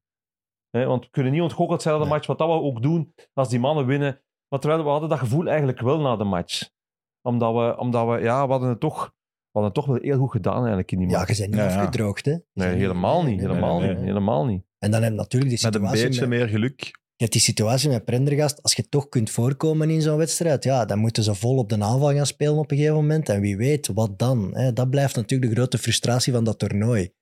Eh, het was natuurlijk vroeg in de match, dus Brazilië had misschien sowieso gas bijgegeven. Ja, Maar een we wisten dat we dat wel konden. In een 1-0 voorkomen, vasthouden tegen grotere ploegen, dat hadden we wel al gedaan. ja, maar dit was echt wel een hele grote ploeg. Ja. We hadden echt het gevoel, als die mannen echt zo doorschakelden, dat we echt dat we kansloos waren. Nee, maar en, en zo, die Prendergast tijdens de rust en zo toch niet even druk gaan zetten van, hey, gast, Maar we hebben er, we hebben er niet zoveel. We hebben er eigenlijk. Ik heb achteraf, achteraf hebben wij pas al die commotie meegekregen van, van die fase. Maar jullie van- zien de beelden ook niet. Nee, nee, nee, maar... En nogmaals, we hadden, ik, heb, ik heb nooit het gevoel gehad dat die ene fase dat die bepalend geweest is voor die match. Ik denk dat er heel wat andere fases geweest waren. eh, de kansen die wij krijgen. Maar ook zo een gevoel in die match van, kijk, zij hebben toch nog altijd die situatie zo onder controle dat we, bij wijze van spreken, moesten we 1-0 voorgekomen zijn, dat zij binnen de kortste keren 3 aan de voor gestaan. Hmm.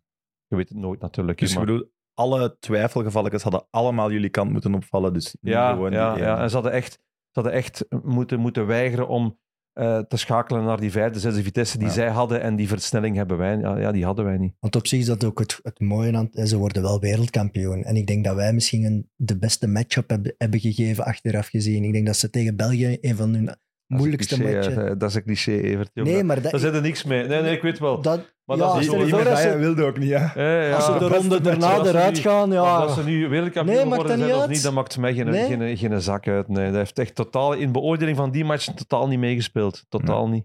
Ja, dat ze een goede ploeg hadden, dat hebben we gezien. Hè. Dat, dat, was, dat was wel duidelijk. En of dat je dan wereldkampioen wordt of niet, dat heeft uiteindelijk ook niks meer met ons te maken. Dat heeft met, met wat er onderweg nog gebeurt en, en dingen die zo of zo vallen. Maar als wij, als wij, als ze, hadden ze geen wereldkampioen geworden, hadden wij tegen een evengoed Brazilië ook verloren. En dat maakt voor mij uiteindelijk geen verschil. Ik heb dat, ik heb dat En wat ik me nog afvraag, want eh, Ronaldo spreekt al een beetje Nederlands. Hè? Heb je daar in die match mee gebabbeld? nee. Iets met, tegen gezegd? Nee, ik heb Nee? zelfs, ik heb zelfs eh, ik ben zelfs achter een shirtje geweest. Ik weet dat bij ons heel wat mensen eh, een- enorm eh, graag een shirt hadden. eh, maar eh, ik, ik heb het shirt van Marcos, Van heb ik uiteindelijk ja. wel. Ja, ja, maar dat is, dat is de materiaalman. Die, eh, die krijgt er ineens zo vijf shirts van de materiaalman van Brazilië. En dat is dan om vijf anderen in de plaats te geven. En zo had ik het shirt van Marcos. Maar Want Dat- er zijn toch ook nog foto's gemaakt in de, in de wandelgangen na het douchen nog.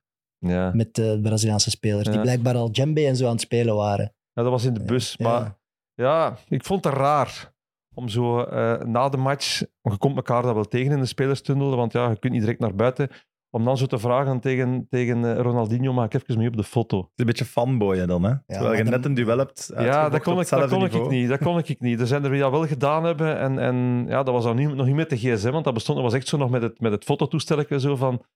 Ja, nee, ik, daarvoor vond ik het toch net, net, eh, net eh, te moeilijk liggen. De vraag is misschien niet van wie hebt jij het shirt, maar wie heeft het Geert de Vlieger shirt? Weten we dat? Dat zal Marcos dan zijn ook, denk ik.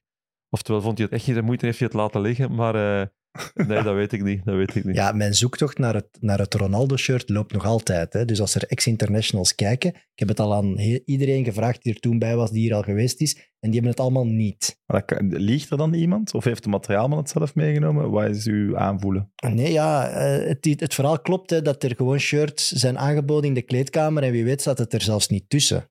Men dat gaat zijn dan gewoon. hè. Ja, dat kan. ja, ja. ook niet iedereen wisselt eh, altijd zijn shirt natuurlijk. hè. Nee, of misschien is zelfs daar laten liggen. Ja, en Ronaldo, dat kan zelfs onderweg dat, hem- dat iemand het al gevraagd heeft Ja, die daar was. fan. En dat hem zegt, ah, hier. Ik weet nu niet, heeft hij de hele match gespeeld, Ronaldo? Of is hij voortijdig? dat weet eh, ik niet. Want dat zou ook kunnen dat hij voortijdig naar binnen gegaan is en dat hij al geen shirt meer had tegen dat de match gedaan was. Ik heb een, eh, een laatste vraag. Jij mocht daarna ook nog als je nog vraagt. Maar ehm, alle drie in hun prime, wie was de beste bij de Rode Duivels? Courtois, Predom of Pfaff? Wow, dat vind ik een moeilijke. Eh, Alle drie ooit bestempeld geweest op een bepaald moment beste doelman van de wereld. Wie is de strafste? Je hebt het meeste expertise. Ja, je hebt het ook nog wel gezien. Heb je, hebt toch ook nog echt wel zien Ja, ja, ja, absoluut. absoluut. Goh, ja, maar ja. Dat is een moeilijke, hè? hoor. Stomme vraag. Ja, dat is een stomme vraag. Ja, als, ik, als ik kijk naar het, het eh, WK van FAF in 86, als ik kijk naar Predom. Natuurlijk, die match van Predom op het WK 90 tegen Nederland, dat was echt wel van, 94. van een Ja. waanzinnig hoog niveau. hè. Maar ja, dat kunnen we nog wel allemaal zeggen. Want Courtois, Brazilië. Ja. Ja, en de Ook. Champions League. Ja, en Champions League. Oh, die Ja, finale. dat, ja. Oké, ik zeg Ja, nee, ja, je, doet, je doet altijd iemand, iemand tekort. Want allee, ik denk dan spontaan ook terug aan de match van Flip de Wilde tegen de VTS. Ja. Voor de kwalificatie van 94 ja, was dat. voor, eh, eh, eh, ja, ik heb het, Ja. pardon, heb ik ook op 94 trouwens, Ja. hè, op WK en, en 94. Allee, als je die match dus terug ziet ook, dan denk je ook van, hey, alles, Jesus. Christ. Ja. Die matchen van, van Predom, Europa Cup tegen, tegen Anderlecht, Ja. was ook van een waanzinnig niveau. Allee, ja. Nee, je, je gaat echt... je gaat mensen tekort doen om door daar iemand uit te kiezen. Laat ons zeggen dat, dat we op dat vlak eh, en met, met eh, drie eh, absolute wereldtoppers gezeten hebben wat keepers van nationaal eh, ploeg betreft. Het zit hebben in ons nooit te bloed. klagen, hè? Het zit in ons Belgisch bloed om goede keepers te hebben. Hè? We hebben altijd... Keeper hebben we nooit Ja, problemen maar pas op.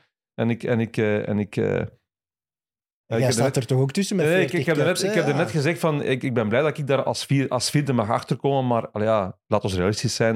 Er is nog wel een verschil tussen die eerste drie en, en de vierde, dat vind ik dan ook wel.